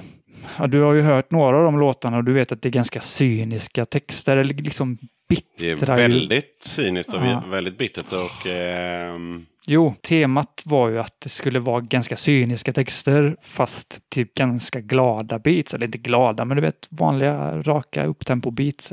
Nu har jag ju visserligen gjort det lite med Johan Temurk med, i alla fall de äldre grejerna. Att det liksom är glada, poppiga låtar med ganska dystra texter. Men med Ajemän var det mer tanke att det skulle vara mer bittert fast surt också. Liksom en bitter gubbe som börjar rappa igen. Men jag, när jag lyssnar, jag har lyssnat själv på de låtarna nu inför det här att, och jag har inte lyssnat på dem på ganska många år. Jag tänker fan vad jag var bitter på den tiden. Och jag skulle nog inte kunna skriva den typen av texter idag för att jag inte är samma person idag och jag mår inte riktigt kanske som jag mådde på den tiden. Inte att jag, nu, har jag, nu vet inte jag vilken låt Johan har valt här från eh, Jajamän, men... ehm, Alltså jag tänkte vi kan väl börja med antingen la la la la la la la. Mm. Jag tror det är sex la la eller vuxenliv. Vi kan väl ta Mm. För jag tänkte just säga att vuxenliv är ju min favorit. Mm. Och eh, den står jag bakom än idag. Nu är jag 43. Mm. Jag, eh, hade jag skrivit vuxenliv när jag var 23 så hade jag fortfarande signat på den idag. Den är sjukt bra. Sjukt bra text. Mm. Ja, tack, tack. Eh, och nej, jag eh, lyssnade på den och kände att fan, det är en av de bättre texterna jag skrivit. Den är ju den är ju rolig fast den är väldigt dyster och bitter. Och många kan känna igen sig Ja. tror jag. så, Nej, men i alla fall. Och sen så var det väl en till regel när jag började göra Ironman att jag skulle göra traditionella beats, att det liksom skulle vara väldigt traditionellt och inte hålla på med syntar och sånt där, för det var väl just de åren Ja, första Ironman-EPn är från 2009 och det var väl rätt mycket hiphop då som hade elektroniska inslag. Och inte att jag tyckte det var dåligt eller någonting. Jag kände bara själv att okej, ska jag göra hiphop igen så ska det vara traditionellt med samplingar och raka beats. Och just La La La är ju verkligen ett exempel på ett sånt beat. Så den kan vi väl lyssna på först. absolut. Är du glad? Glad? Vad är det för fråga Tommy? Ja, man vill ju vara glad va? Vill man inte det? Glada är människor som inte vet det. Yeah, yeah, yeah, yeah. Iron Man. Yo. Yeah, yeah, yeah, yeah. Yo, yo, yo. I våran lilla värld är alla fitter belåtna. De är glada om de slipper att gråta. Man ser bara det man vill se. Det är det som ger vardagen kvalitet. Ja. Ignoransen är livets melodi. Man bryr sig mer om en liten cellulit eller en okomplett samling av keramik. Det smäller högre än ett bombdåd i Tel Aviv. Såna bekymmer, de får inget utrymme. Det är bara att förneka sitt ursinne. Tak över huvudet och mat på bordet. Viktigare än vem som är bakom rodret. Men det är klart att man tror på sina folkvalda så länge inte hela världen är Golgata. Och vissa dumskallar tackar sin gud fastän allt är felkopplad apparatur. Alla är nöjda, alla är glada, la la la la la la la.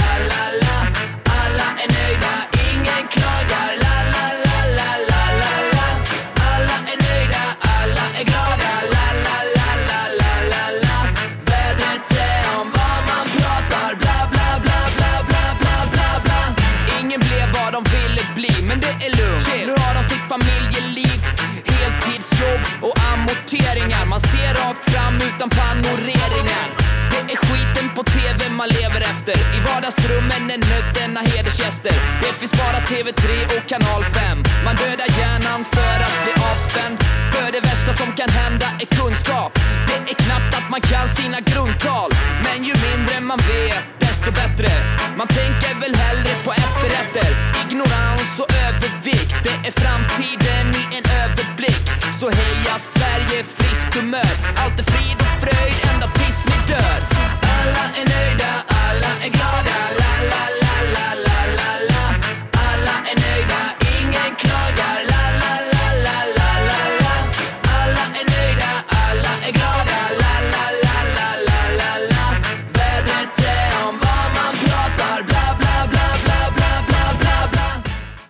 Vad, vad ska vi säga? Nej, men eh, den är ju, det är, det är en mäktig låt och, eh, ja, och den andra som vi pratade om precis då, det är ju Vuxenliv som, eh, jag vet inte hur mycket den flög, men eh, för mig flög den första gången jag hörde den rakt av. Jag hade inte ens någon aning om att det var Johan Tenbrink som hade gjort den, utan det var så här. Eh, jag var med hos eh, den här killen Jonk som vi pratade om och han slängde på Vuxenliv och jag bara, dra mig baklänges. Men vi hade väl lärt känna varandra före? Ja, ja, gud ja. Men det var, det, var, det var bara att jag inte visste att du hade gjort låten. Nej, jag försökte hålla det lite hemligt att det var jag som, i och med att jag började göra hiphop igen och valde ett nytt namn och sådär, att jag liksom inte ville, det blev ju aldrig sådär särskilt stort heller, utan jag ville hålla det lite lågt. Jag gjorde det egentligen mest för egen del. Det gick ju hem i, vissa kretsar. Och Det sådär. gick hem i stugorna, det är bara att kolla på YouTube. Det är- Jajamän, går ju bra.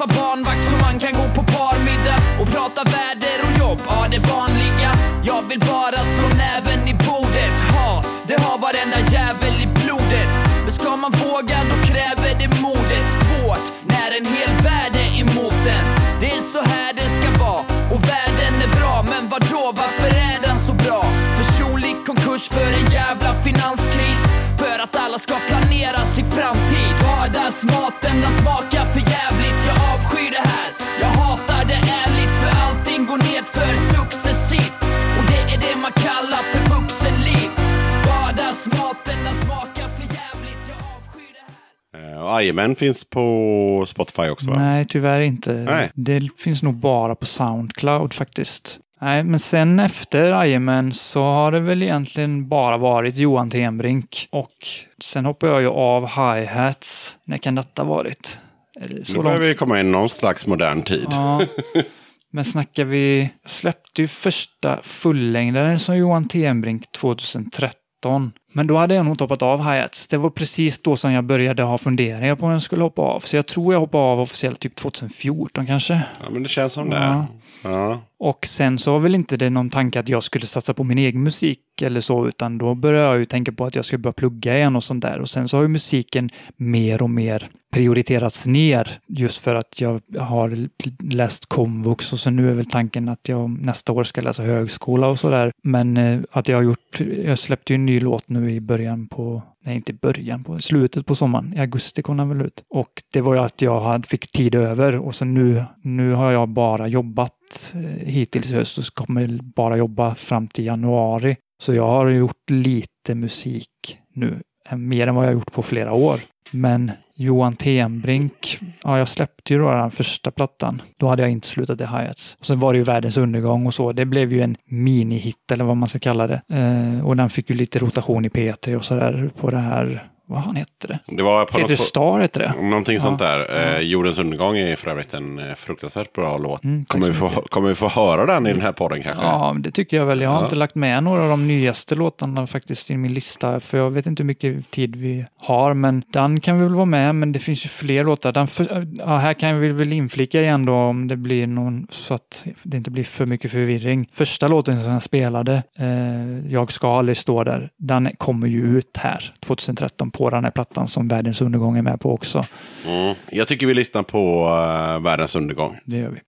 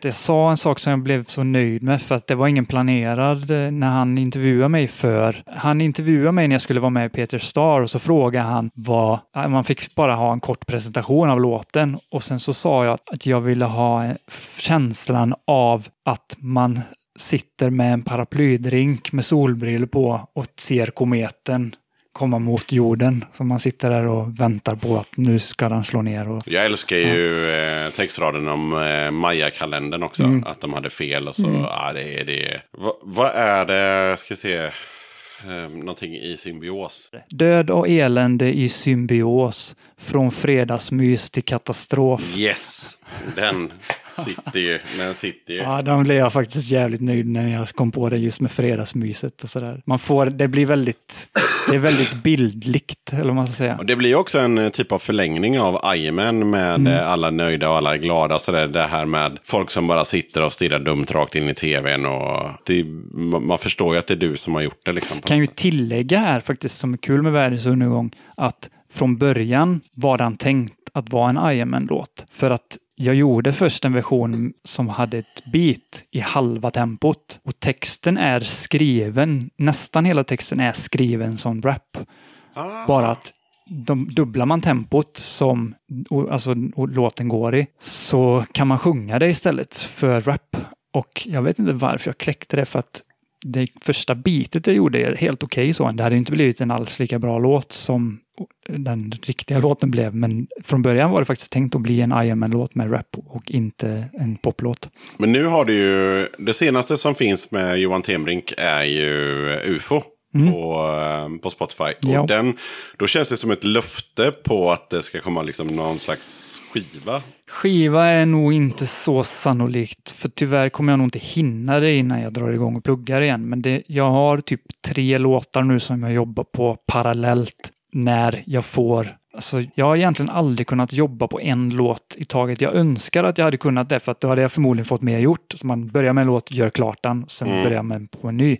Men jag fastnar ofta i låtar och så känner jag att jag kan inte tvinga fram någonting här, utan jag får låta det, den får vila helt enkelt. Så nu har jag två låtar som har legat vilande kanske sen förra sommaren, plus att jag börjat på två grejer. Så jag får se vilket. Sen om det blir en EP eller om jag kommer släppa dem löst när per låt blir klar och sen kanske bara släppa en EP med dem sen eh, och lägga till en ytterligare ny låt eller någonting. Det är ju en så extremt störig grej med Spotify är att när du släpper en singel så hamnar den längst ner på din Spotify-sida. Så att det är många som missar när man har släppt en EP eller en singel som inte har, jag tror gränsen är sex låtar för att det ska klassas som ett, ett album. Då blir det ett minialbum och då hamnar det längst upp. Jag vet jättemånga som missade när jag släppte Världens undergång för jag släppte den först som singel och då hamnade den ju längst ner. Och det var väldigt många som inte ha- hade sett, alltså de visste att jag hade släppt en ny låt men sa jag kan inte hitta den på Spotify och så här, den ligger längst ner. Då säger jag bara så här till er som lyssnar. Det är bara att skriva världens undergång i Spotify så kommer ni hitta den här låten. Och den är Mm. Ja, den är bra. men nu är han ju med på en skiva också så nu är han ju näst högst upp tror jag. Spotify. Ja, men oavsett det är eh, redaktörens eh, favoritlåt. Mm. Eh, hade du någon mer låt som du ville spela där Johan? Nej, jag vet inte. Vi kanske skulle ta någonting från den senaste fullängdaren också, Colosseum. Eh, Men vilken låt?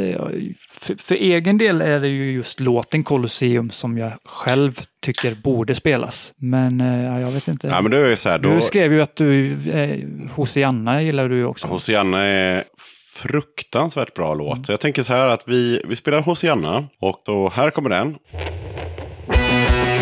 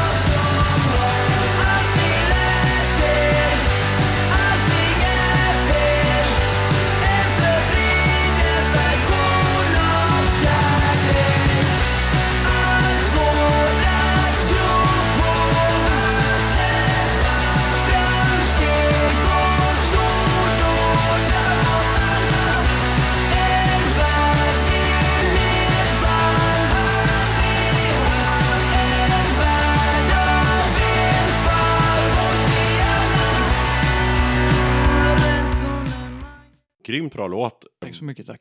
Tack så mycket, tack. Vad, vad var tanken där? För jag tänkte så här, eh, det, det, det är ju en fruktansvärt bra låt. Och sen så tänker jag också så här, Lars Winnerbäck har också en låt som heter Hosianna. Vad är grejen? jag, bara- Nej, jag- det, här, det här har inte Johan fått reda på innan, men jag, jag bara kom alltså- på det nu att fan shit, det stämmer ju faktiskt. Det är ju det här när man råkar eh, backa med låttitlar. För jag har faktiskt aldrig varit någon sådär större Winnerbäck. Jag tycker inte han är dålig eller någonting. Jag har bara aldrig fastnat för det. Så jag tror att jag har fått veta att han har gjort en låt hos Janna efter jag släppt den låten. Men jag är inte helt säker på detta. Men det är inte så att jag, jag ska göra en ny låt som jag inte vill säga titeln på för att det blir roligare att släppa spoila den när jag släpper och den har samma titel som ett annat känt band har, en låttitel och då har jag också känt att fan kan jag inte använda den Det är titeln väl sånt som händer kan man väl säga. Jag vet inte. Eh, å andra sidan, eh, Lars Winnerbäcks Hosianna-låt är ju liksom, refrängen är ju Hosianna.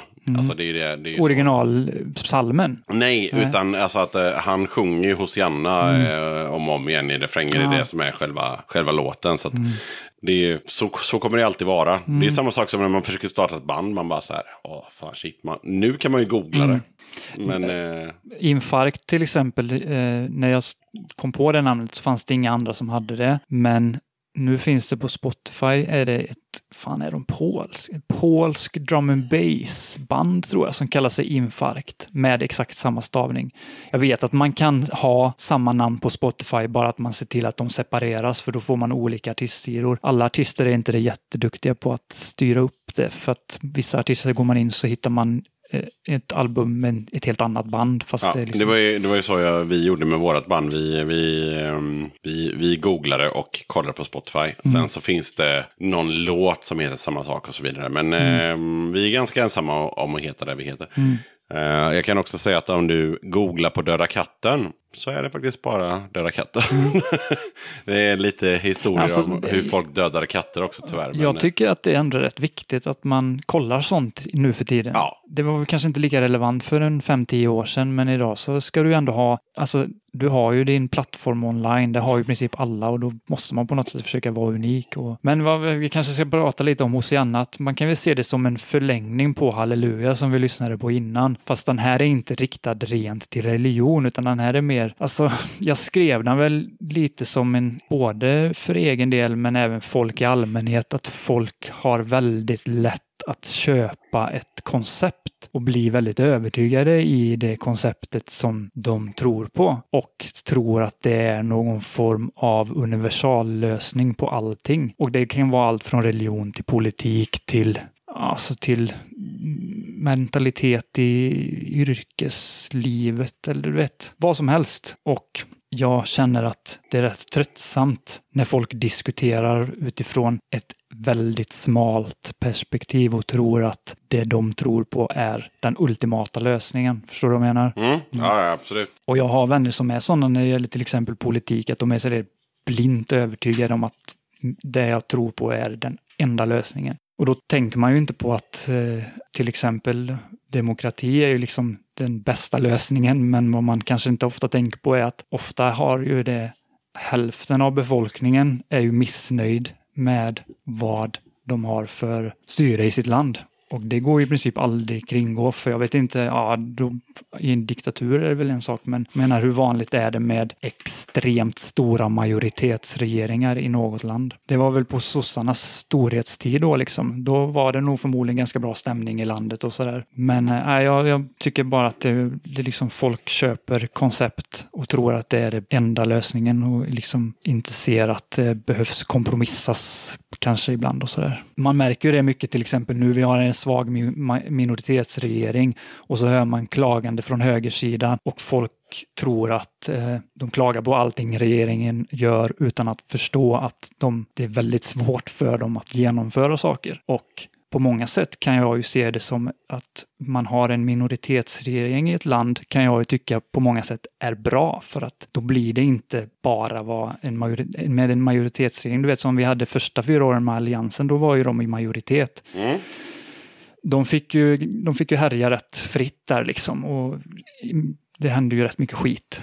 Sen sista fyra åren så hade de ju i alla fall inte majoritet. Och nu behöver vi inte prata mer politik för att det jag tycker det är rätt uttjatat så, men ja, texten handlar primärt om det. Att man ska inte vara fullt övertygad. Och jag har ju sådana saker som jag själv är övertygad om, till exempel som djurrättsfrågor och sånt. Och jag kan ju själv förstå att jag blir väldigt, väldigt blind i det när man liksom diskuterar sådana saker. Ja, det är klart. Så nästa fråga är ju, har Johan skrivit någon musik till andra artister? Ja, men väldigt lite. Mm. Och bara musik, ingen text. Känner du till Fronda? Svensk rappare. Ganska etablerad och Ja, känd. ja. Eh, Jag har gjort några äldre beats till honom. Vi gjorde en del samarbeten, framförallt när vi höll på med onykterhetsrörelsen så hade vi en del kontakt med Fronda och vi gjorde några låtar. Både jag och Mange producerade några av hans låtar till några av hans tidigaste album och sen han har varit med på några av mina EP-släpp med Jajamän. Han är med på en låt på båda de två EP'na jag släppt och sen har jag gästat några av hans senare låtar, bara en vers här och där. Det var nog förra året faktiskt, Oj, senast. ja, okej. Men då har jag gjort några beats, men mer än så är det inte. Jag har aldrig skrivit text till någon annan eller så. Och egentligen inte av någon anledning. Det har aldrig fått, jag har aldrig fått frågan och sen har jag liksom inte sökt det aktivt själv heller. Vi måste ju också prata om hi-hat såklart. Mm. Eh, vi kan ju inte bara så här, så här ducka. Även om du sa inledningsvis att eh, du inte skrev någon musik till hi-hat så var du ändå med i ganska många år. Mhm. Ja. Det absolut bästa, och det här är jävligt klyschigt, men det absolut bästa med hi-hats var att kunna åka runt, dels i Sverige och även i Europa och kunna supa jävligt hårt. Träffa folk och ha liksom sjukt roligt. Ja. Ja, och det var, det var liksom mer eller mindre gratis. Man fick väl lägga ut lite pengar själv ibland och sådär. Men, eh, så konstigt nog var det inte live-grejen som var det roligaste festandet. Vi har ju gjort ett par Europavändor och det har ju varit sjukt roligt, de flesta av dem. Och, men eh, liksom en stor anledning till att jag hoppade av hi-hats var att jag inte fixade att leva den typen av jag fixade inte det livet. Att kunna köra supa hårt och liksom ja, leva hårt och, och bli sleten som man liksom blir när man är ute på vägarna. Att det funkade inte längre. Jag blev för gammal helt enkelt. Det är väldigt mycket dödtid också och det kan ju vara riktigt tröttsamt när man inte har någonting att göra och det blir ju lätt då att man super. Den sista turnén jag var med på var jag ju faktiskt helt nykter och jag var, gjorde det för jag ville se om det funkade och min slutsats var att det inte funkade.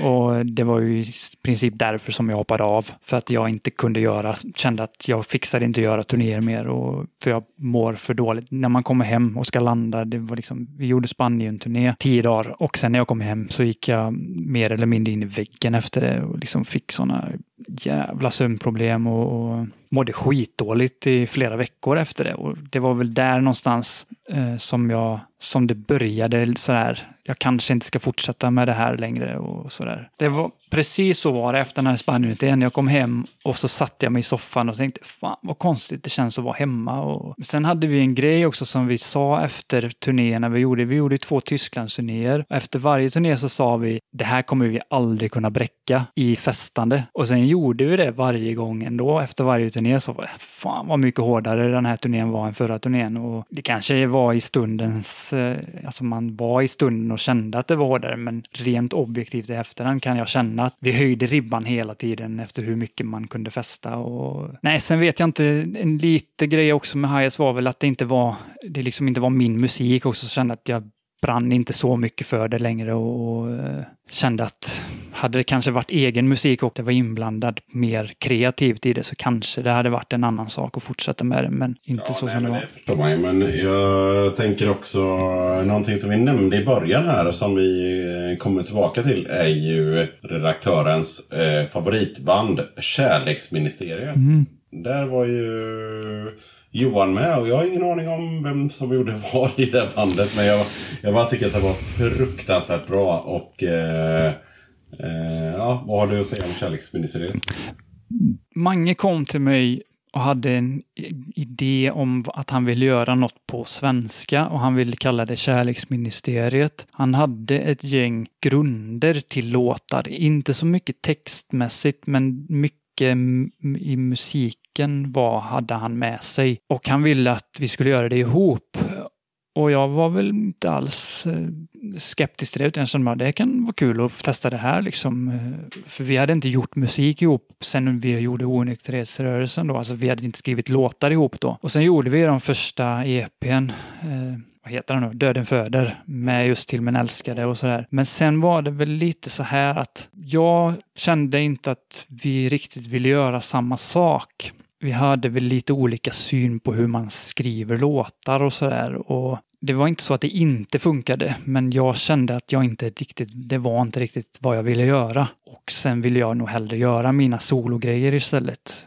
Och sen så körde han ju vidare med det solo.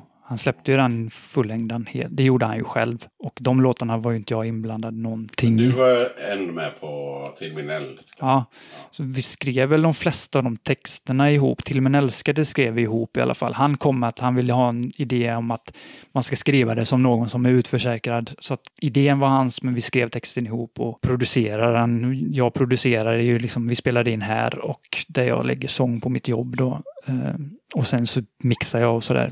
Eh, skivan gjorde han däremot allting då. Det är dock flera som har trott att jag är med på skivan för att av någon anledning tycker många att vi har väldigt lika röster. Jag tycker inte det, men eh, jag har hört många som säger att vi låter väldigt lika när vi sjunger. Så det är Mange som sjunger Till min älskade. Nej, den är jag som sjunger. Okej. Ja. Då tycker jag vi gör så här. Vi lyssnar på världens bästa låt i mitt tycke. Mm. Och det är Kärleksministeriet med eh, Till min älskade. Vaknade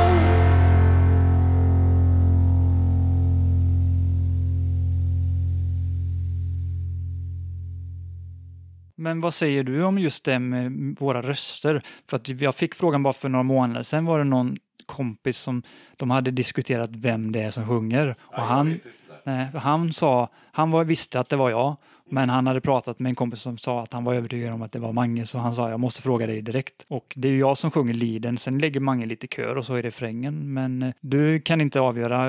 Nej. Eh, och det är för att eh, normalt sett nu lägger eh, sång så har det ju eh, Boråsdialekt. Men i eh, Till min älskade så har du inte det. Alltså, jag, jag tycker jag sjunger likadant. Så. Nej.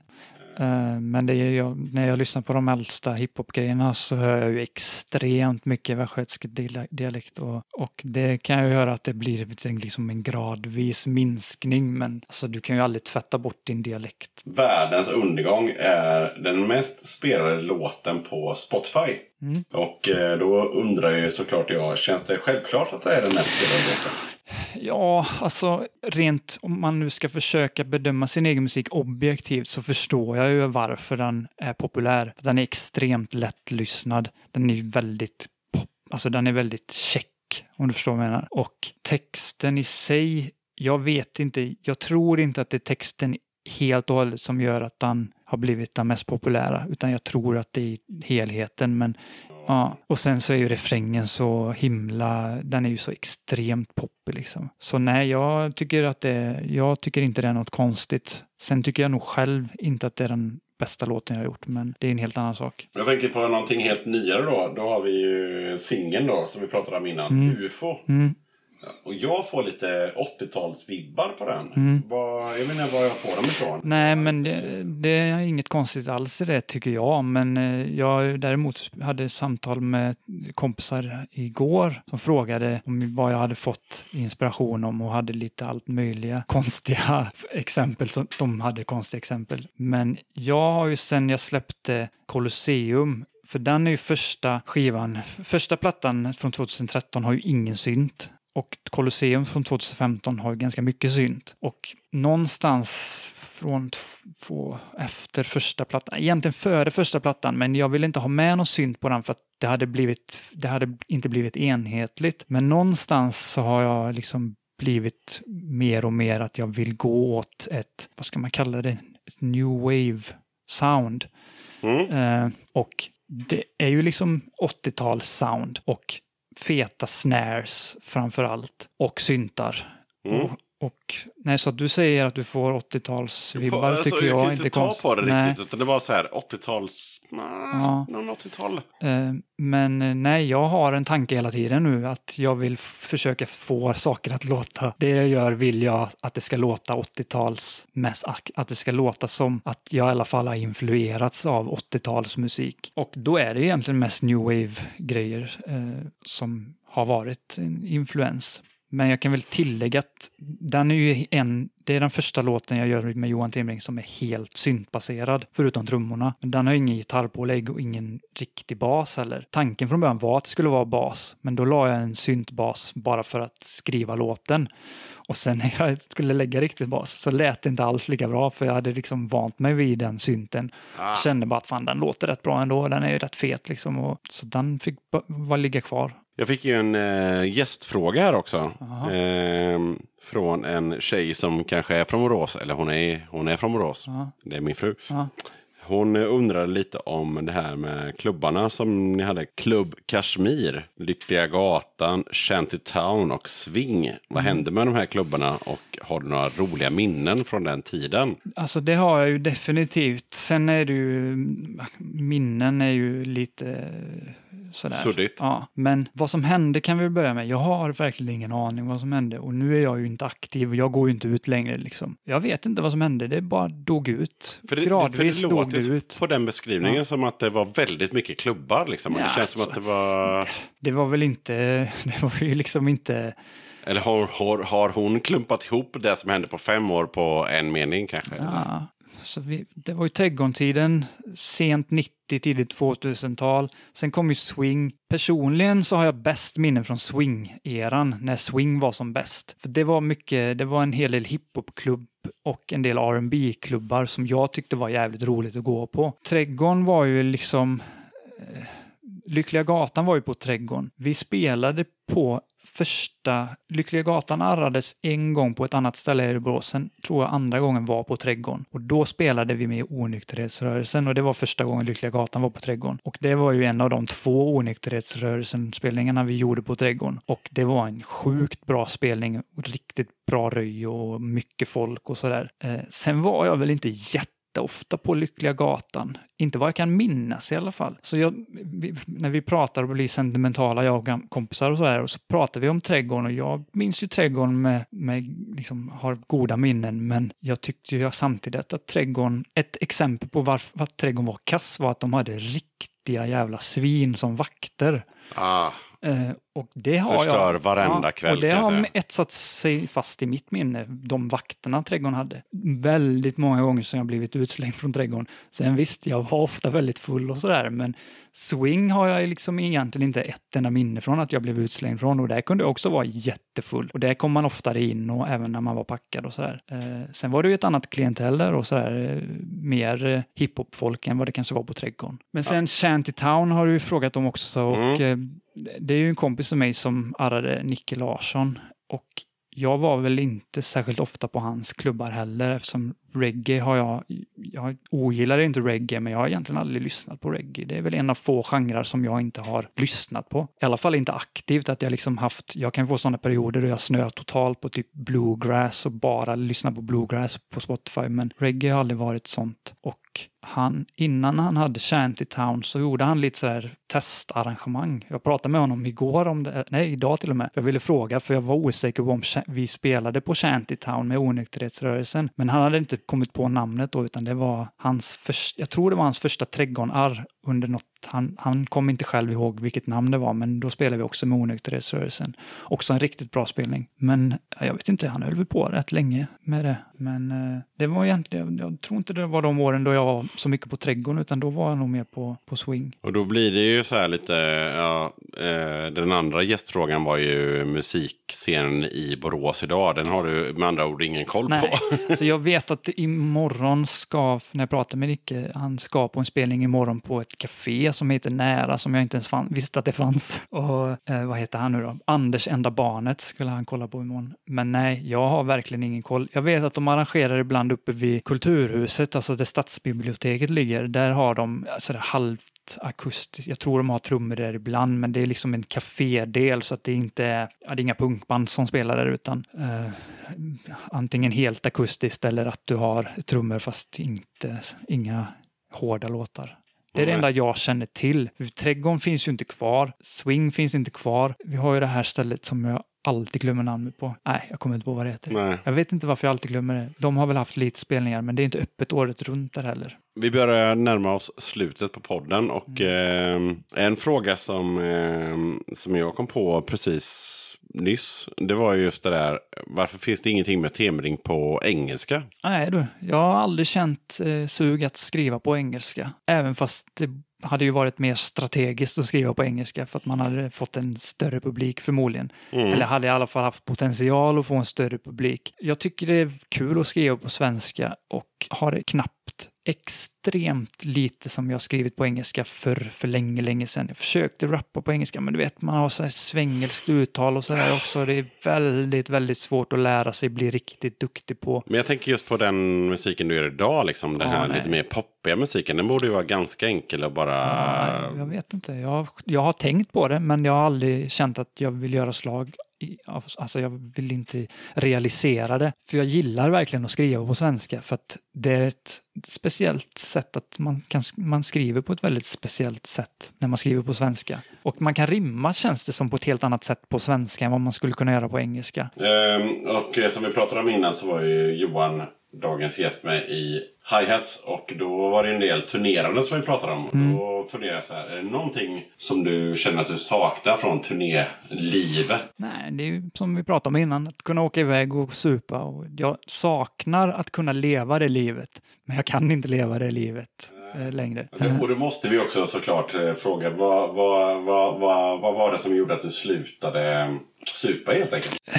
Primärt var det att det var det sista jag inte hade provat för mina långvariga insomniproblem som jag haft sedan jag kanske var 19, 20 och provat allt möjligt, provat olika läkemedel och sånt där och liksom det har funkat sen du vet, slutade funka. Och så kände jag, nu får jag testa någonting nytt här, något radikalt. Och så slutade jag dricka under ett par månader och sömnen blev gradvis mycket, mycket bättre. Och sen dess har jag bara känt att jag sover överlag väldigt bra. Ibland har man dippar och sådär, det har ju egentligen alla. Men eh, det var egentligen den huvudsakliga anledningen. Och sen du vet, jag har alltid haft ångest och sådär efter man har supit. Det är inte alla som får, men många får. Och för mig har det varit värre än vad det kanske varit för gemene man. Men det har ändå varit så där att det har varit värt det. Men sen blev det väl, sömnen var det absolut viktigaste, men sen också det här att det kändes inte värt det mer att ha ha liksom mörka tankar i tre dagar för att man har varit ute och supit eh, i helgen. Då kändes det bara, nej, det är inte så roligt längre. Nej, jag förstår vad du menar. Jag tänker också, ehm, ja det här var en högst personlig eh, reflektion. Men det var så här,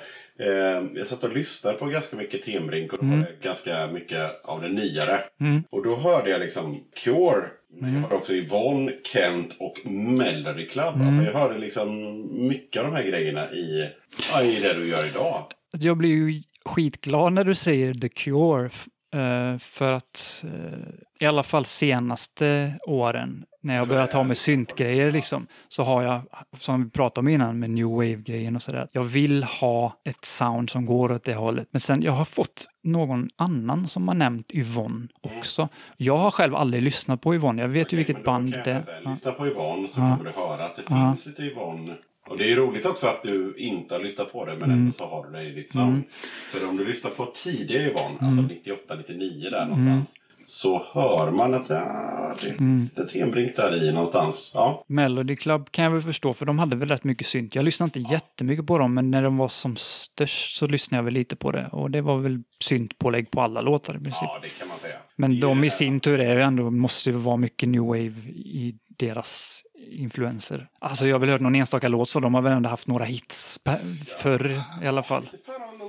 Ja men de har väl i alla fall haft lite rotation på typ P3 och Ja, sådär. de, det Ja. har de absolut. Men du nämner ju även Kent och Ja.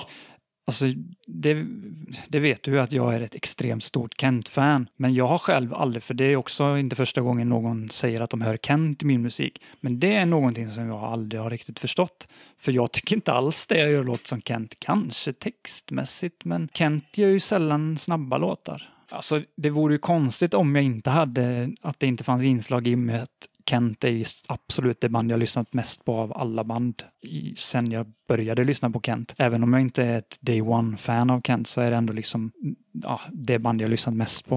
Uh, men det är ändå så, kanske då att jag börjat ha syntgrejer och sånt där för att sen Kent gick över till att bli ett mer, ett, vad jag tycker i alla fall, från tillbaka, efter de, när de släppte tillbaka till samtiden och sen dess att det är mer ett elektroniskt band än ett rockband. Jag vet inte om du håller med mig med det? Men, Jo, det gör ja, jag mm. absolut. Det är absolut. Det är... Och jag vet att jag var jätteskeptisk när de släppte tillbaka till samtiden och nu tycker jag det är den bästa, deras bästa skiva och tycker att elektroniska Kent är det bästa Kent, inte gamla Kent. Jag tycker väl gamla Kent är jättebra också så, men jag sätter i princip aldrig på eh, någon skiva före Tillbaka till samtiden. Du och jag döden någon enstaka gång kanske. Eh, sen nu inför avslutningsturnén så lyssnade jag däremot mycket på alla plattorna, även den första plattan. Av någon anledning hade jag ett minne i huvudet att jag inte gillar den första plattan. Så lyssnade jag på den första plattan och tänkte, fan den är ju skitbra, det är flera asbra låtar Samma här, Ja. samma här. Jag hade också sett ett avstånd från de två första Mm. plattorna faktiskt. Men eh, sen så, ja. Men eh,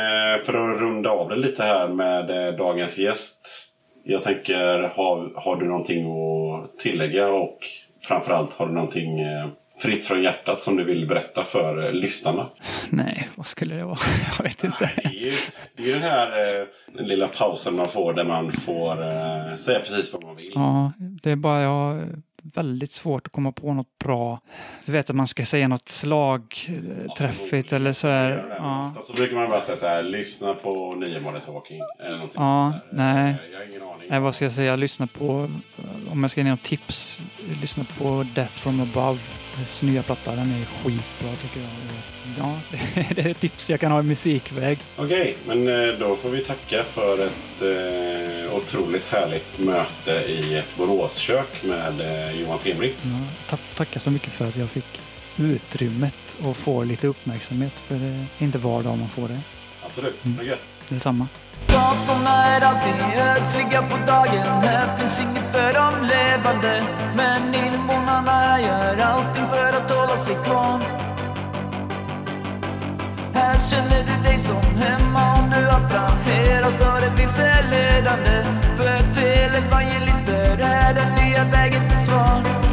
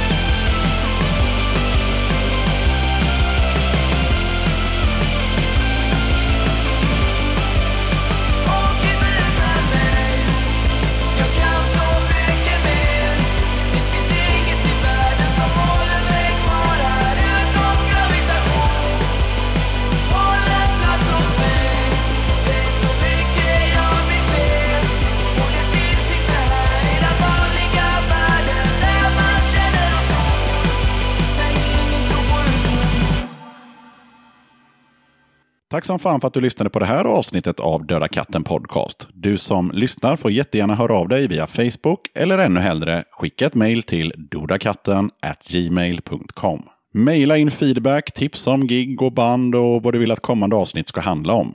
Vill du vara gäst i podden, då är det bara att du hör av dig så försöker vi styra upp det helt enkelt.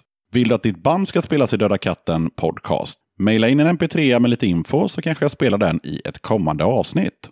Gillar du den här podcasten och vill höra fler avsnitt så får du gärna stödja Döda katten genom att swisha, köpa en tisha eller lämna ett bidrag på kattens crowdfunding-sida. All info om hur det går till hittar du på dödakatten.se. Klicka på support. Alla bidrag går ju självklart till att producera nya avsnitt av Döda katten Podcast. Det var allt för den här gången. Ha det fett så hörs vi snart igen.